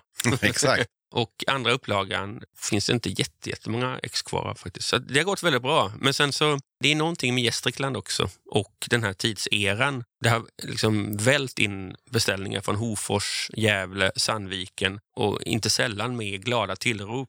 Men vad hette fanzinet? Halvdan permanent heter det. Och om man nu skulle vilja beställa någon av de där sista exen eller när de lyssnar på det här så kanske det kommit ett nytt nummer. Var, var hittar man den? På internetet. Vi har en Facebook-sida då, som heter Halvdan permanent. Enkelt. Ja, man kan också mejla mig då på gylfsmed.hotmail.com. I samband med då att jag hette Lars Gylf på Lunarstorm så... Naturlig fortsättning. Exakt, exakt. Så då blev det Gylfsmed. Det där. Med G då. Ibland stavar man Gylf med J, men det här är med G. Gylfsmed.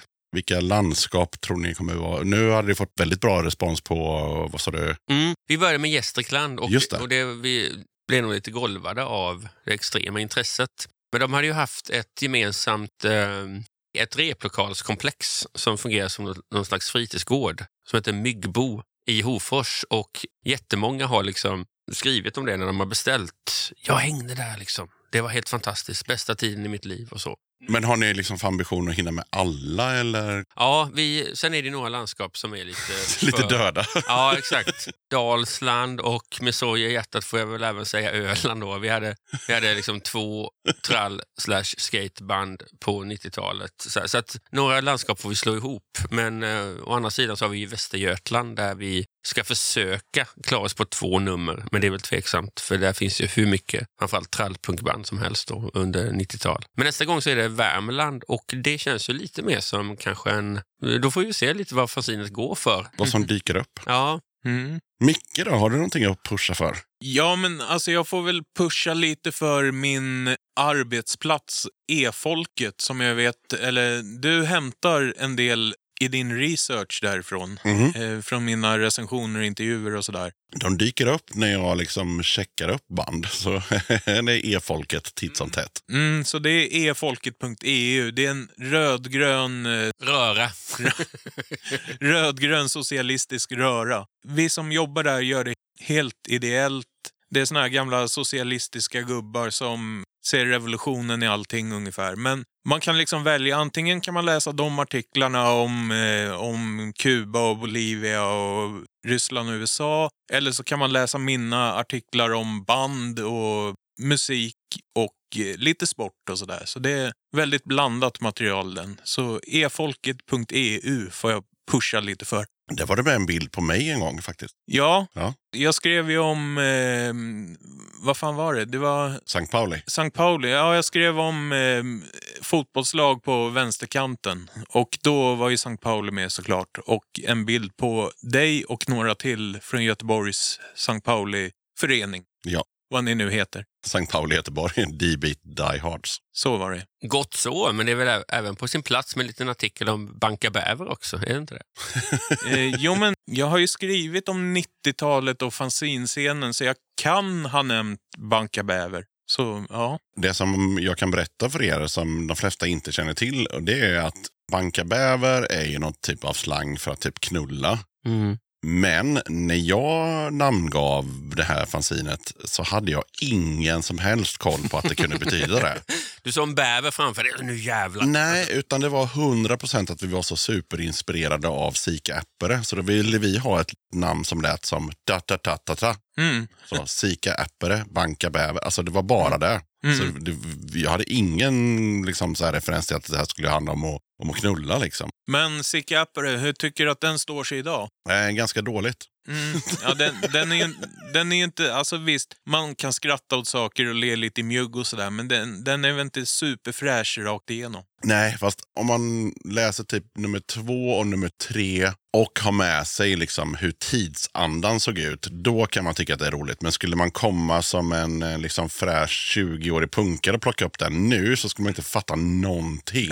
Nej. liksom så här, den är, det är extremt opolitiskt korrekt och så vidare. Intervjun med Backyard Babies. Eh, varför sminkar ni er? Är ni bögar? Ja, Väldigt 90-tal. och liksom så där, de kom in på restaurangen, sist kom den feta, den oönskade. Ja. Typ, det är mycket sådana grejer. Mm. Men det var ju också deras reaktion på att de tyckte att punkscenen hade blivit för skitnördig. Mm. Så att de liksom ville provocera. Och det, det gjorde ju också Skitliv sen eh, x antal år senare. Liksom, Mm. Med samma ambition. Liksom, att så här, ta det lite lugnt. Mm. Liksom. Det måste inte vara så jävla allvarligt. Atomvinter var ju inte jättepepp på skitliv. Nej. De ville ju inte riktigt svara de och sådär. Men, men sen vet jag inte vad finnen har gjort sen med Appere med massa li- nyliberal smörja. Ja, och Reagan är bäst i världen och så Mm. vidare. Där tappar man ju intresset. Liksom. Men, eh, man, man ska ändå se Sikabre, de, de första tre numren som liksom en... Det var en period, och det var straight edge och det var...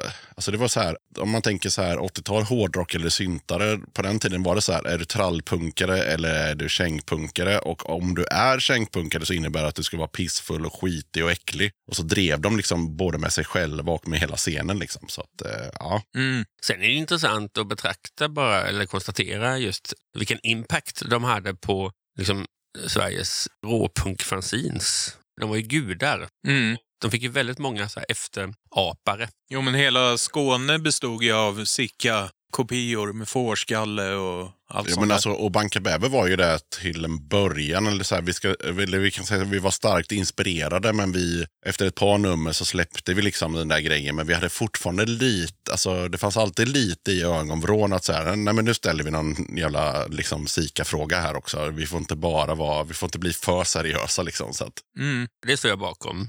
Man ska alltid slänga in någon lite provocerande, olämplig fråga. Det är viktigt. och faktiskt i vårt sista nummer, då kände jag bara så här, jag kommer nog inte orka göra det här fanzinet mer nu. Så då måste vi göra en hommage till Sika på det. Så då eh, intervjuade jag War Victims och eh, då fick de hundra frågor. För det var också en sån grej som de hade i Sika att man ska bara så här, man kan inte fråga ett band hundra saker liksom.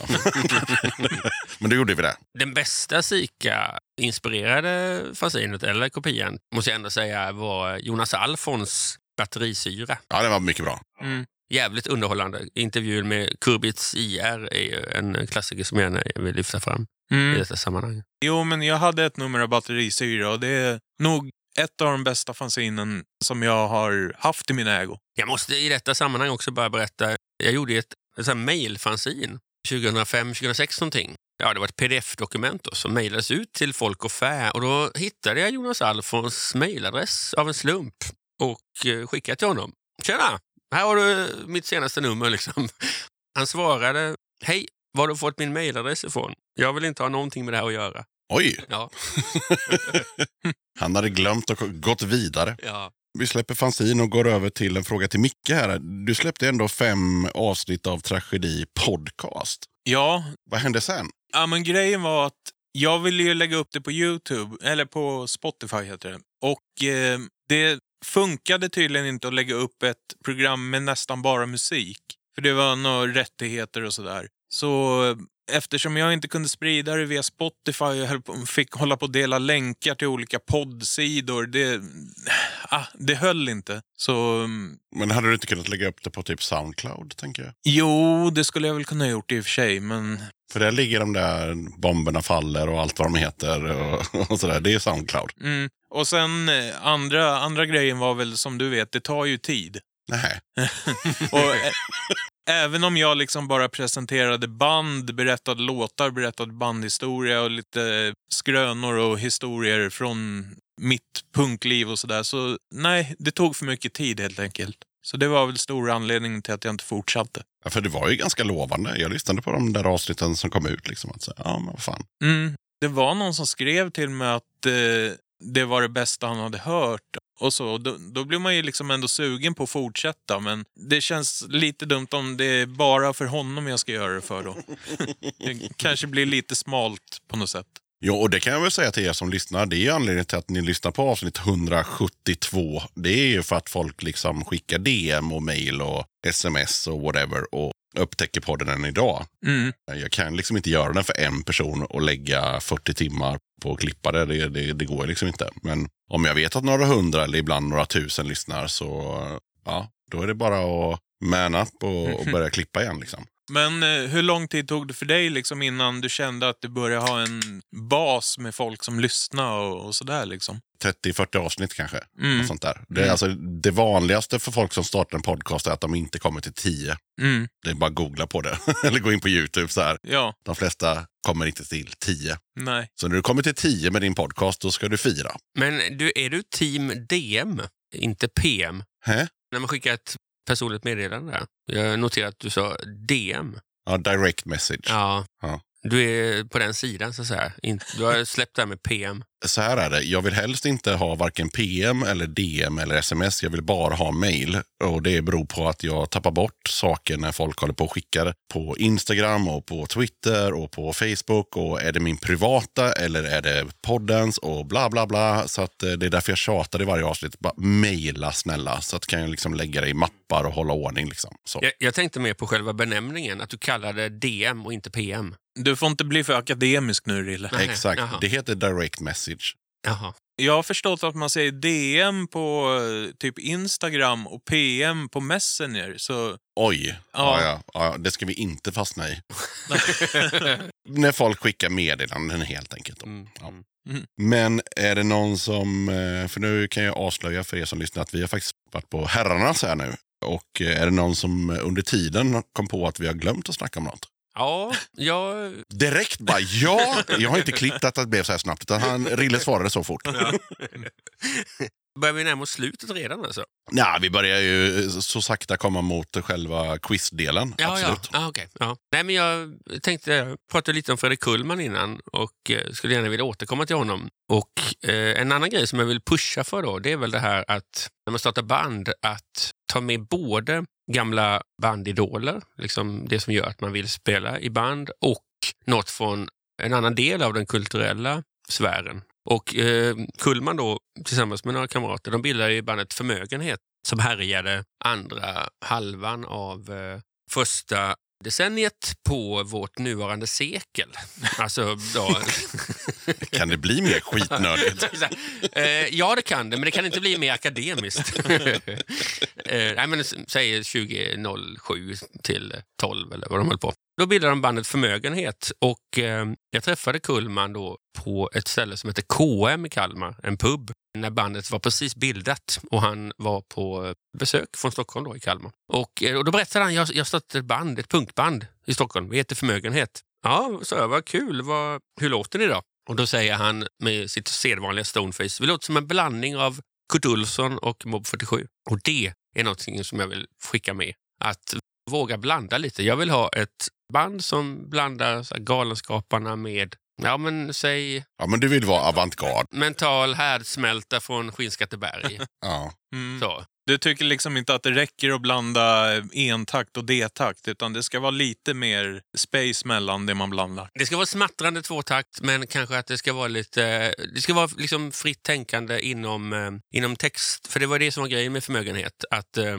De hade ju låttitlar som Är du rädd för internet lille vän? Nej tack, jag tål inte mjölk och så vidare. Och så det sista som jag vill skicka med är då att man vågar släppa lite ovanliga utgåvor. Förmögenhet släppte då först en, jag tror hon släppte en vinylsjua och sen en splitsjua. Och sen tredje släppet, det var då en tribute-skiva. Det vill säga då när band tolkade deras låtar.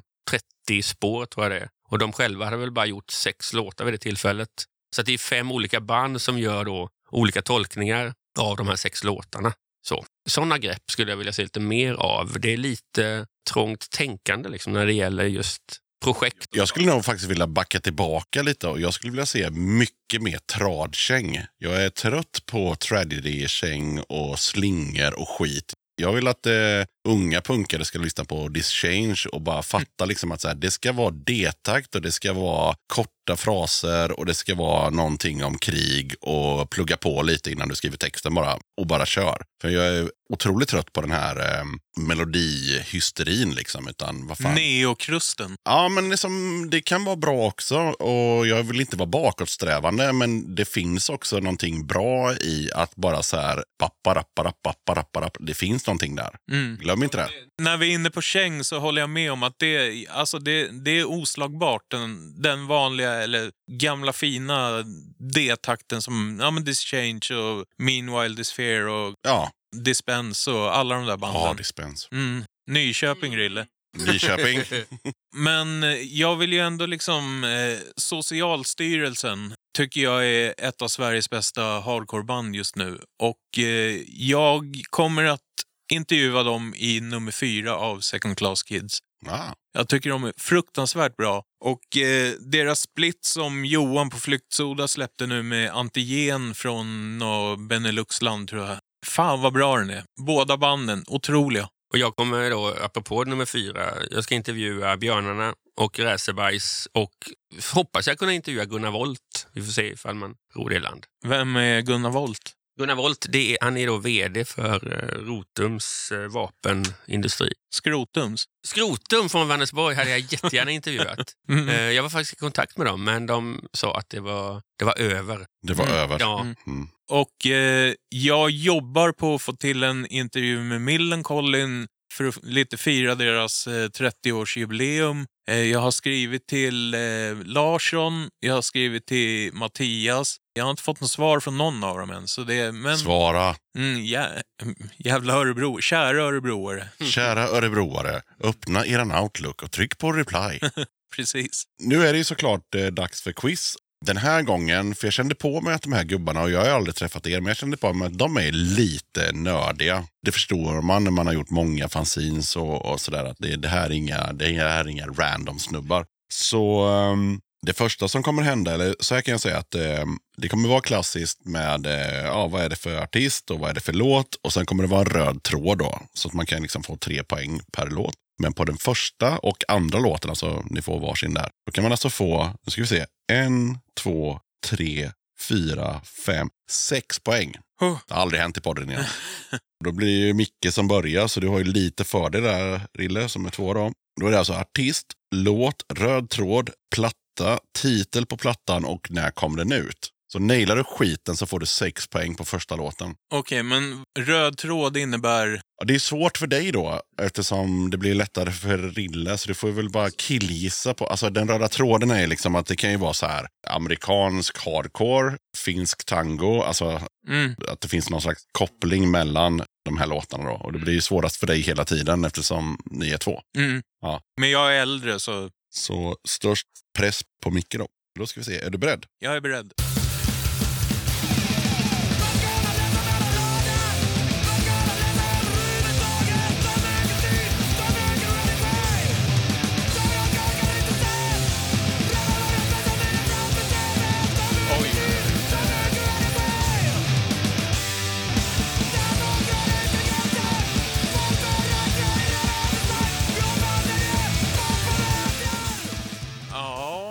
Där var ju svårt. Jag kanske borde kunna det. Eh, någonting i mig vill skicka mig upp till Umeå under typ 00-10-talet. Men jag säger... Ja, låten Vad ska vi göra eller något, säger jag. Det lät som hon sjöng. Det är bra, det är lika bra chansa. Men det var fel, men det är lika bra chansa. Någonting bara får att säga The Pricks, men det är det inte. Det, det, Ja, men det var lite den energin, absolut. mm, Men de är från Örebro, men, ja. mm. men det var också fel. Ja, ehm, och skivbolag skulle jag vilja säga... Vad fan hette det där där uppe? Wasted... Eh, Sounds. Sounds. Ja, men jag säger det. Och den kom ut 2007. Oj, vad nära. Ja. Ja. Mm. Jag ska inte säga när den kom ut, för du ska ju svara också. Mm. Men det var nära. Du får ju en egen låt då, Rille, i samma genre där. Det vart ju noll poäng där helt enkelt. Okej. Mm. Jag ska inte säga någonting om den första låten. Nej. Nej. Får jag ge ett omdöme? Om eh, låten? Ja, ja, såklart. Fruktansvärt dåligt. Ja, okej. Ja. Ja, jag tyckte det var jävligt bra faktiskt. Mm, jag med. Men eh, ja, alla får ju tycka vad de vill. Nu kommer din låt då, Rille.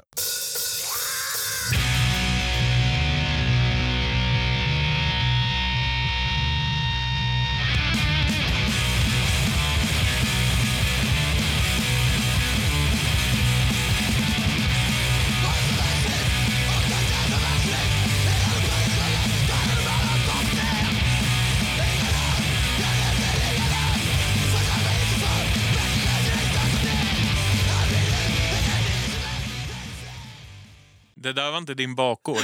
Exakt. Nej, det här var ju Det var inte din eh, kopp av te. det var ännu sämre. jag vet inte, jag, t- första låten, så, om jag var tvungen att svara så hade jag sagt fredag den 13. Ja, det är fel. För jag inbillar mig att de låter ungefär så. Det gör de absolut inte. Nej, okej. Ehm, ja, det var inte så tralligt det där heller. Det var lite mer åt hardcore-hållet på något vis. Vad fan kan det vara? Jag minns inte ens vilket språk de sjöng på. Svenska kan jag säga. Var det det? Ja. Okej. Jag uppfattade absolut ingenting av texten. Det finns massa härliga konsertaffischer här som jag sitter och kollar på. Tänker att det kan finnas en ledtråd. Ja, Det gör det inte kan jag säga. nej okej. nej, men det lät ju lite som en blandning av Ramones och tantpunk. Men eh, vad, vad skulle man... eh, Artist, låt, årtal, skivbolag. Nej, skivbolag sa jag aldrig, utan jag sa artist, låt, röd tråd, vad heter skivan, titel på skivan och år. Ja, okej. Men eh, jag säger att det var Världen brinner Mm, med låten Vid din sittra vill jag kvittra. mm, Släppt 2018. Den röda tråden var Valium. mm. Jag gillar gissningarna, men ehm, då var det så att eh, den första låten då, som Micke fick, det var ju då Diskonto med den demokratiska juntan. Ah, Röda tråden var svensk råpunk från 2000-talet. Plattan heter, eh, den heter ingenting för det är en split mellan Diskonto och Massgrav. Skivan heter Blaze in the Northern Sky och den kom ut 2006. Så det var ju väldigt nära då. mm. Och eh, det är ju då, alltså, de har snott det från Dark Thrones, eh, plattan som kom ut 92. Och så fick ju du då en låt från samma skiva, Ja. alltså Massgravs bidrag på, på den och den heter Ett korståg mot långsam käng. Ja, jag, jag tror att en av mina bästa kompisar eh, älskar Massgrav. Jag hade kunnat ta till mig det kanske, bara för att tänka på honom ofta. Grejen är att jag älskar ju diskonto. Mm. Så det var ju, ja. Det var ju synd att du inte kunde splitten med Massgrav. Mm. Men nu kan jag säga så här att resten av låtarna så är det inte så högtravande utan då är det bara, eller bara, men då är det tre poäng. Alltså röda tråden, låt och artist. Ja. Yes, då ska vi se. Micke.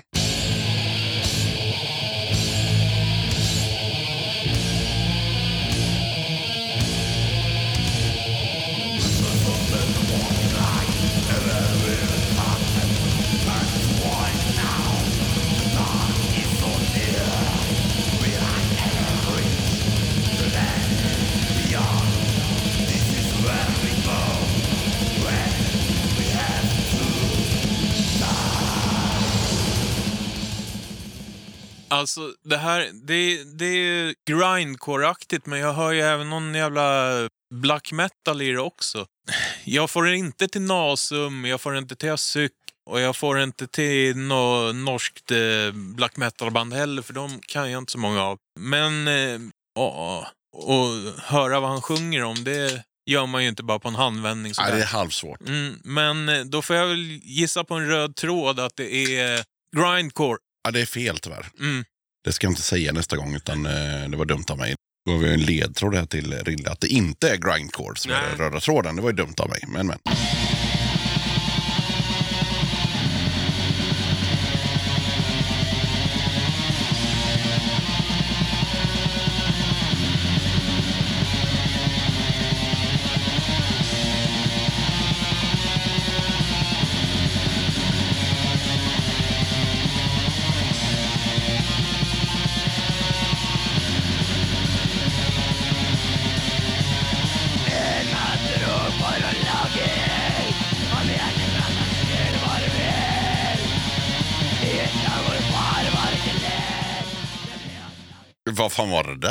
Jag ska säga. Eh, man vill ju att det var typ Bursum. Var det, det bandet Greven var med? Det finns en stor chans att jag inte spelar Bursum i den här podden eftersom okej. han är nazist. Så Ja. att nej. Ah, Okej, det måste ju varit Mayhem då. Och jag tror att eh, temat är dubbla baskaggar. Du var ganska nära, men temat var norsk black metal. Var jag inte i närheten av att säga något om black metal? Jo. Mm. Och eh, Micke hade nämligen eh, Mayhem. Ah. Och du hade Dark Throne. Jaha. För Mayhem sjunger på engelska och Dark Throne sjunger på norska. Så det där var Dark Throne med hans sista vinter. Ja, ja jag, jag var inne på att det kunde vara en norsk titel. Och din låt hette Buried by Time and Dust. Hur är ställningen nu efter två omgångar? Eh, 0-0. Ja, men det är jämnt. Det är jämnt. Ja. Men du var ändå inne och pratade om Mayhem, så du var ändå Mm. närmast. Så sett. Ja. Nej, så 0-0. Och eh, nu kommer då den låten som eh, inte är punk, alltså det som jag brukar kalla curveball, så ni får varsin sån. Mm. Vi börjar med Micke.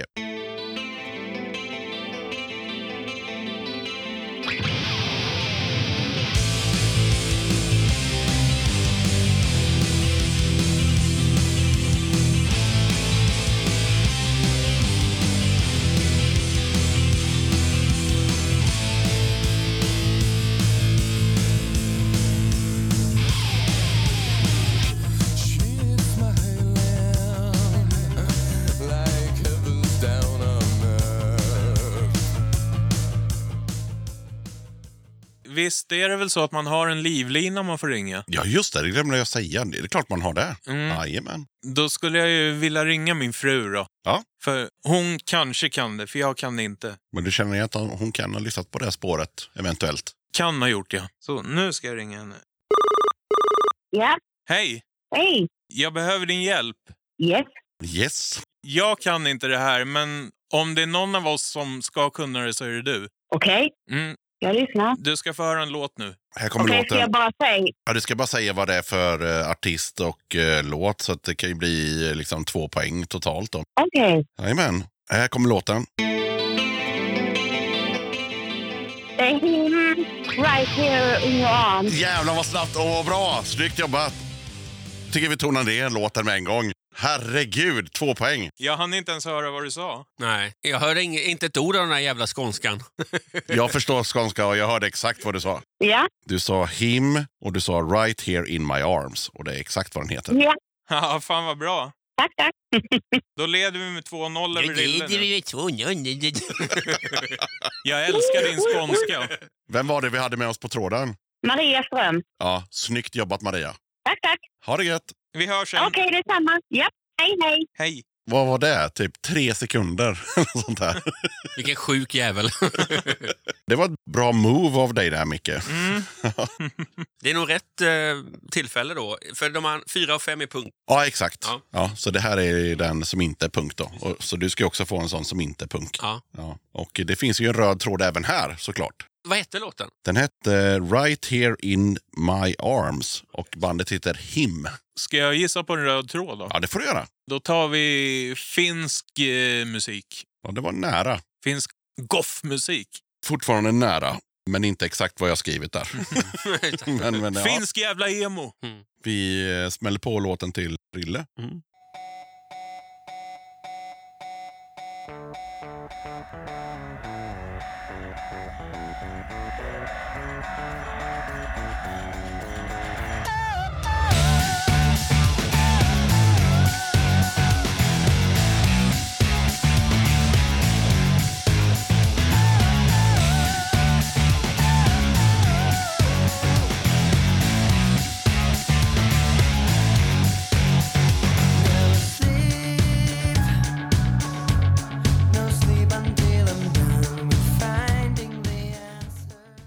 det du fick höra.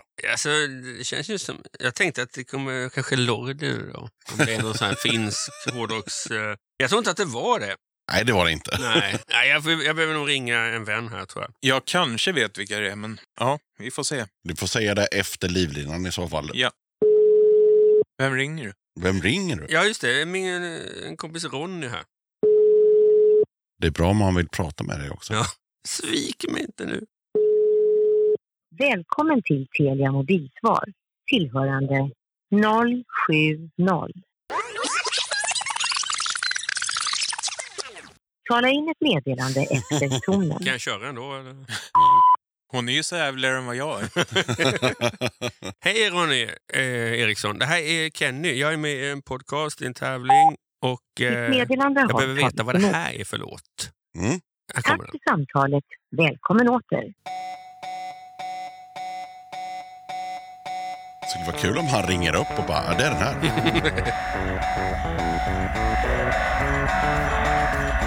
Jaha, man fick inte säga mer än så. Okej, ja ja. Det var ju synd. Det var ju synd. Ja, det var Ronny Eriksson då från Eskefurat och jag, jag hann inte förvarna honom. Så det, ja. Men eh, okej, då får jag gissa på uh, Birkenstocks Mm. Med eh, låten I was here but I'm eh, full of my own eh, thoughts about the future in, in, från deras platt... Nej, det skulle man inte säga. Utan Nej, var, men röda tråden. Ja, röda tråden. Ja, men finsk sisu. Ja. det var alltså finsk 90 slash 00-tal alternativ rock. Jag skulle gissa på The Rasmus, men Det var det.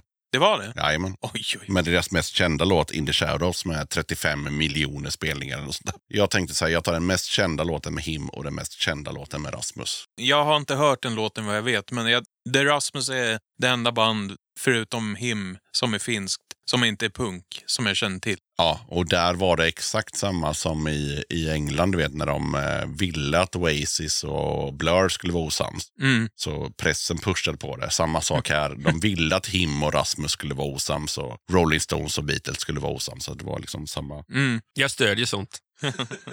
Japp, men eh, ja, vi har eh, två låtar var kvar. Och det står 2-0 till Micke tack vare att han hade en livlina som svarade. Ronny, ditt jävla... Ja, först, först tack för musiken. Yes, är du med Micke? Ja.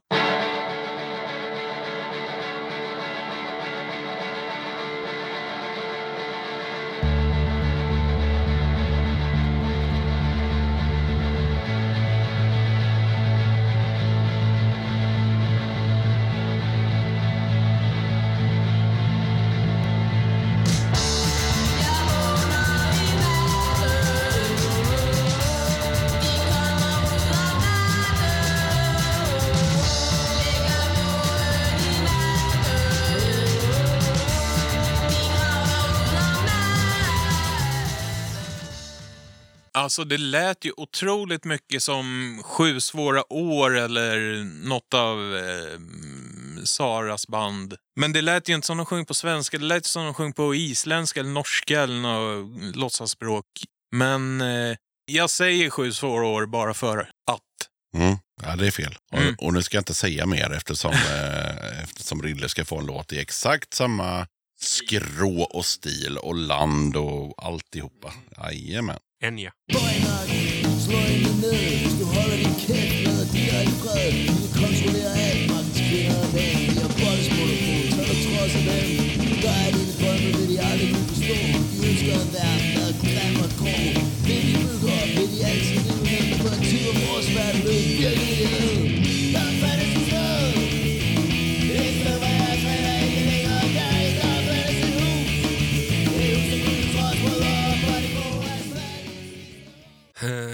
Det måste vara ett Rasta Knast med eh, Wir leben noch, Radioaktiv Räka-cover. Som sjunger på danska, eller? För det var det som var själva röda tråden, att det var ju då dansk punk och hardcore. Och ehm, låten som Micke fick då, det var ju De kommer ur om nären med Gorilla Angreb.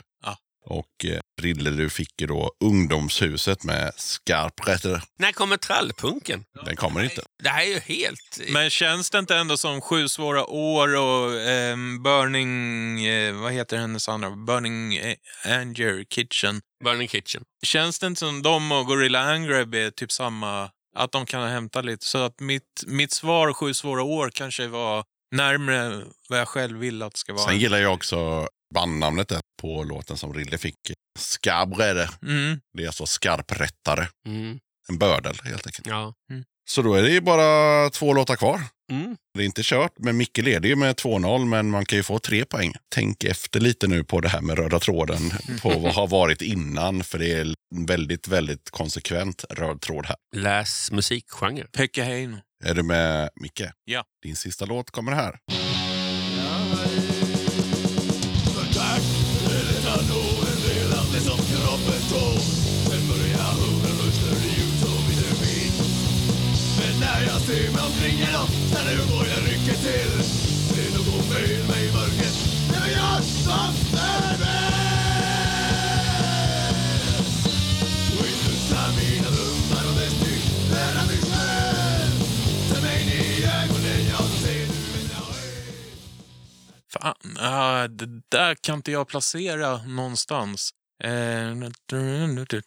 Men jag får väl gå på en röd tråd att det är svensk punk. Mm, ja, men det är en bra gissning. Från Östergötland. Kanske. Som jag har lärt mig så får inte jag säga någonting om det eftersom du ska också få höra en låt. Så sista låten går till Rille då, så att eh, ta tre poäng nu så har du vunnit. Ja, nu kör vi.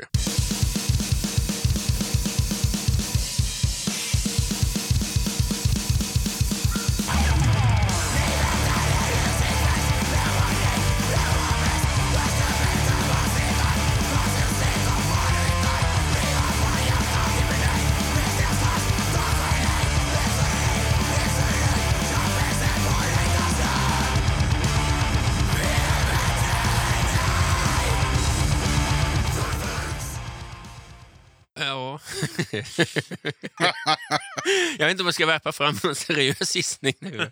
Ja, det tycker jag. Jag håller på att sälja skivor en del. Och eh, Ibland har jag lyssnat igenom så här kängplattor och krustplattor för att det är lite hairlines på skivan. Och så här. Ja, man får dra igenom från början till slut för att se att det inte är några repor och så och hack. Och då har man ju lyssnat på lite sånt här och jag brukar köra på extremt låg volym för att jag får jag löser sitsen av att lyssna på sån här musik.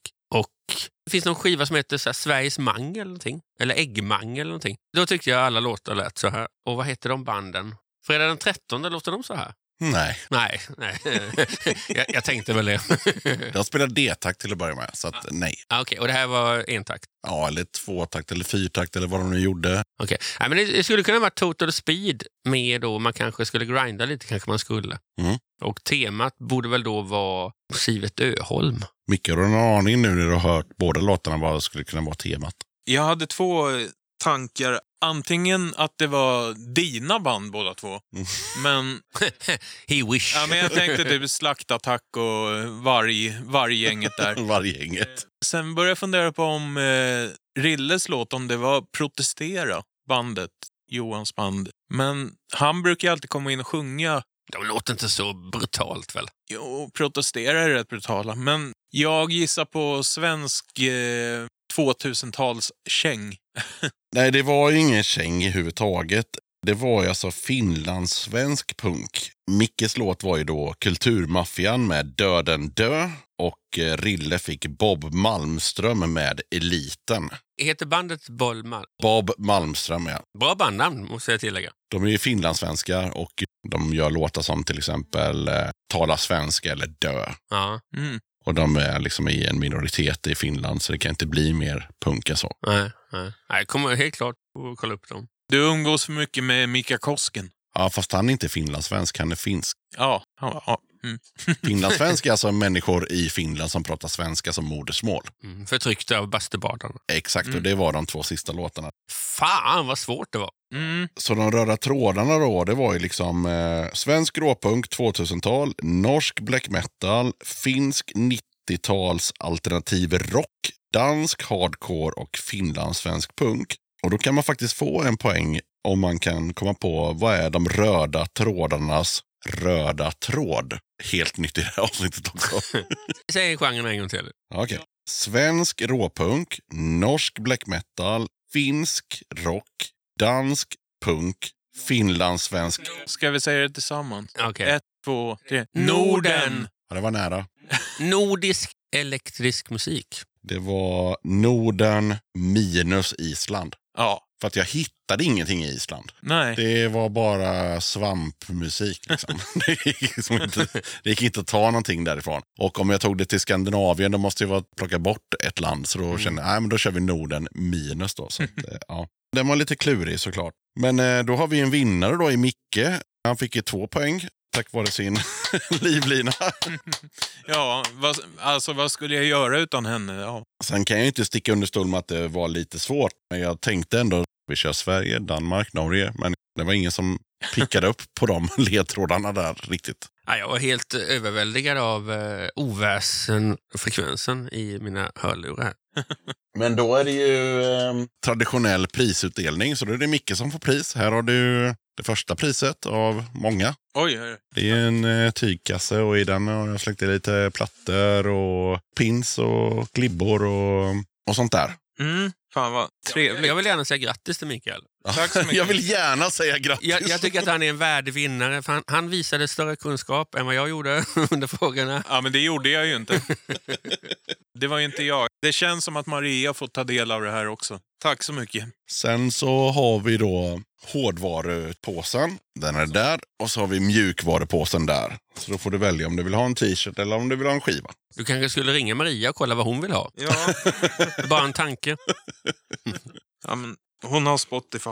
Jag ser inte vad det står på den här. Syfilis. Och det här är... Stina Künstlicher. Det är faktiskt en eh, bekant slash vän till mig. Det handlar om hennes år i restaurangbranschen. Hon har gjort en temaskiva om det. Hon har också varit gäst i podden. Är det sant? Jajamän. Rille, du får... Ska jag välja syfilis? Så välj syfilis.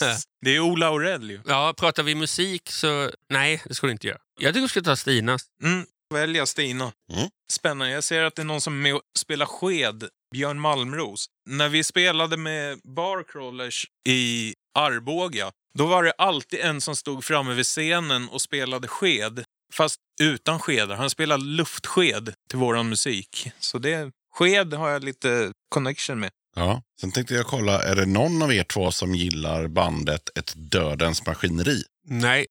Nej? Jag tror jag har en EP med dem. Mm. Som jag har för mig är rätt så bra. De har också varit med i podden och de är löjligt bra. Men jag tänker, eftersom du ändå har en sjua med dem, Mm. Så får du en jävligt exklusiv affisch. Oh. Som är inte gjord i många ex. Och Den Mm. är jävligt snygg. Jag har den själv inramad hemma på väggen. Det är med liksom de här rövryttarna som vi har i regeringen nu. Ja, jag ser någon Jimmy Åkesson-grej där. Så de liksom rider fram och så står det någonting med Alliansens nya ryttare. Ja, jo men den har jag sett, den bilden. Tack så mycket. Kommer vi prata någonting om Tidöavtalet i podden? Tidölaget. Eh, nej. Nej, nej jag tänkte bara... Du vill pusha för dem eller? Alltså nu är vi klara med alla fasta punkter, så är det något mer du vill säga så visst, kör. Jag vill väl hälsa till alla Sveriges punkare och eh, säga att ni får steppa upp lite och eh, stöd scenen i högre utsträckning. Gå på fler spelningar, köp fler fanzines, köp fler demos, lyssna på fler poddar, dela ut fler planscher till personer som vinner tävlingar i podcasts. Jag måste också berätta, vi träffade Johan Lundberg då innan inspelning, Mm. gamla Pajmag-hjälten. Och eh, det, jag, jag behöver hem och processa det här nu känner jag. Ja. är du starstruck av att du träffade Johan? Ja, Pajmag har ju betytt så väldigt, väldigt mycket. Alltså. Jo, men det har det ju gjort. Mm. Det har det. Det är synd att han är AIK-are. Ja, vi har ju lyckats undvika att prata om sport i podden och det försöker vi alltid göra. Men ehm, Kämpa KFF! Kämpa KFF! Det är rätt starkt att vi har undvikit det liksom med en Gaisare, Ja. en Kalmarit och en eh, söder, Kis. söderbajare. Så det har vi fan gjort bra. Ja, det tycker jag. Nej, men jag brukar försöka undvika det. Sen det är klart att när en svensk tiger var med här och eh, en av killarna kommer in i en IFK-matchtröja, då känner jag bara så här, okej, men det behövde du väl kanske inte göra. Jag har ju min här. Bajen vinner, Hasch och Tinner. Ska vi prata lite om Svensk Tiger också innan vi stänger av? Du får prata om vad du vill innan vi stänger av. Första plattan är... Innan du ens börjar prata, fattar alla som lyssnar och ni att det här är liksom en punkpodcast. Jag har några frågor, men jag skiter i vad ni håller på med sen. Ni kan prata hur mycket ni vill. Ett avsnitt kan vara 55 minuter och det kan vara tre timmar. Jag bryr mig inte och jag skiter i alla jävla regler om att ja, men en podcast måste vara max en timme, annars kommer ingen lyssna. Nej, men lyssna inte då.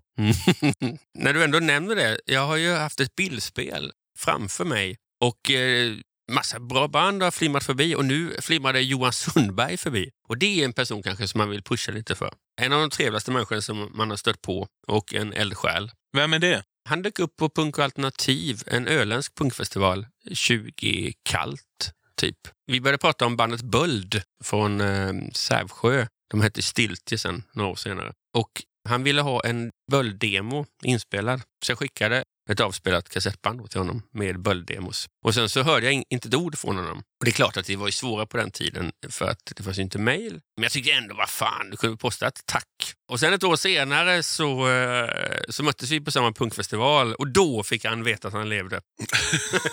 nu, Micke, han pissnödig av den här historien. Han lämnar studion i, eh, Som Bengt Westerberg. ja, i panik.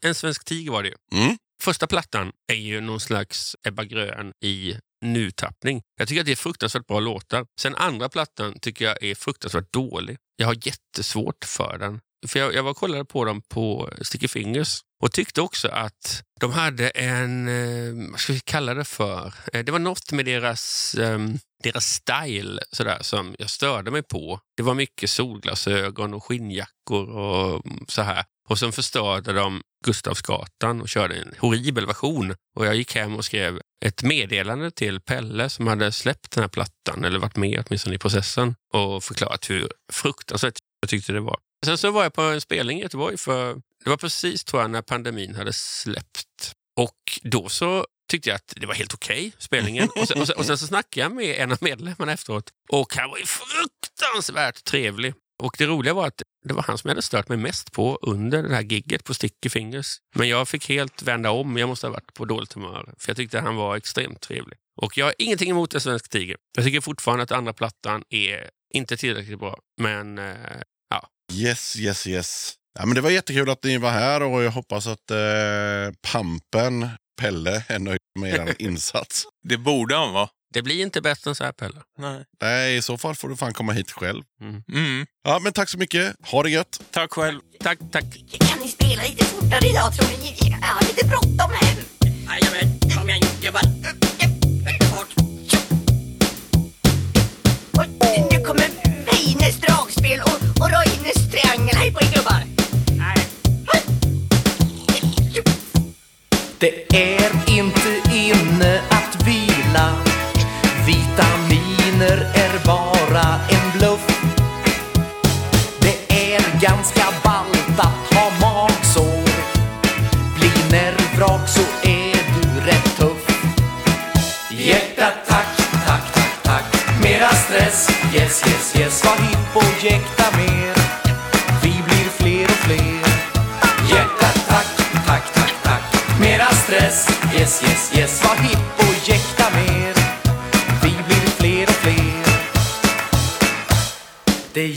Att vara rapp. Och du ska mobba den som är slapp. Ingen frukost, bara kaffe, cigarett och kanske en snaps. Du bör springa hela vägen till ett jobb. Och du ska jobba, jobba, jobba, jobba fort. På lunchen slänga i dig lite korv. På kvällen skynda till ditt extra jobb. Hjärta tack, tack, tack, tack. Mera stress, yes, yes, yes. Var hipp och jäkta mer?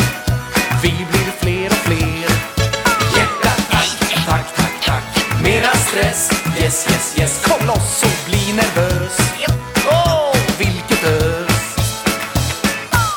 Och mår du fortfarande bra så ska du inte vara glad. För nervkollaps är ditt mål, så här får du några råd. Låna pengar av en bandit och från betalningarna smit. Börja bråka med din fru så får du Mera stress, yes, yes, yes. Var hipp och jäkta mer. Vi blir fler och fler. Hjärta tack, tack, tack, tack.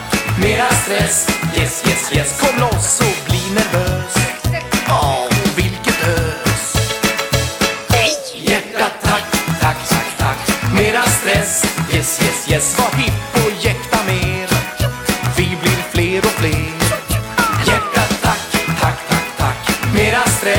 yes, yes, yes. Kom loss och bli nervös.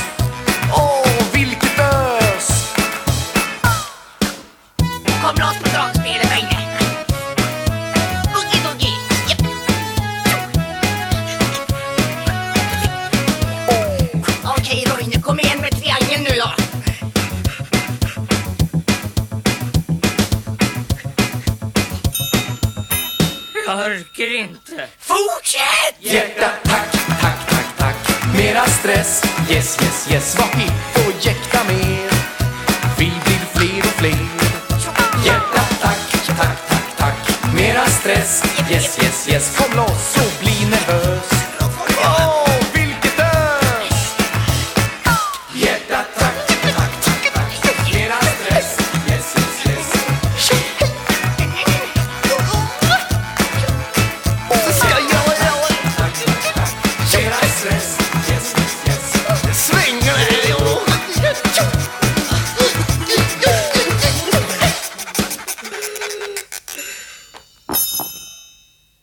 Låtarna vi hörde i avsnittet med Micke och Rille från Second Class Kids Magazine var i turordning Sardo Numspa, Baltic City, Galenskaparna, Blankettbyråkratens sång, Pass Out, A Few Minutes, Hemliga byrån, Hjärtattack. Då tackar jag som fan för att du lyssnade på avsnitt 171 av Döda katten Podcast. Kolla gärna upp Döda katten på Patreon om du vill stötta mitt arbete med Döda katten. Det är ett enkelt sätt att stötta podden, så har du 15 spänn eller mer över i månaden så hade det varit guld värt om du valde att supporta podden. Som Patreon kan du ta del av lite extra material och köpa merch till rabatterade priser. Du hittar Döda kattens Patreon-sida på patreon.com dodakatten. Jag vill som alltid rikta ett stort tack till alla er som är Patreons och hänger kvar och stöttar Döda katten. Det är extremt värdefullt för poddens fortlevnad. Det taggar mig lite extra till att fortsätta mitt arbete med den här podden och det är helt enkelt jävla guld värt. Så tack som fan! Vill du köpa lite snygg Döda katten-merch? Då är det bara att glida in på kattens hemsida som du hittar på dödakatten.se och där klickar du på shop. Okej, sköt om dig och så hörs vi igen i avsnitt 172 av Döda katten podcast som kommer ut onsdagen den 29 mars. Jacket the podcast!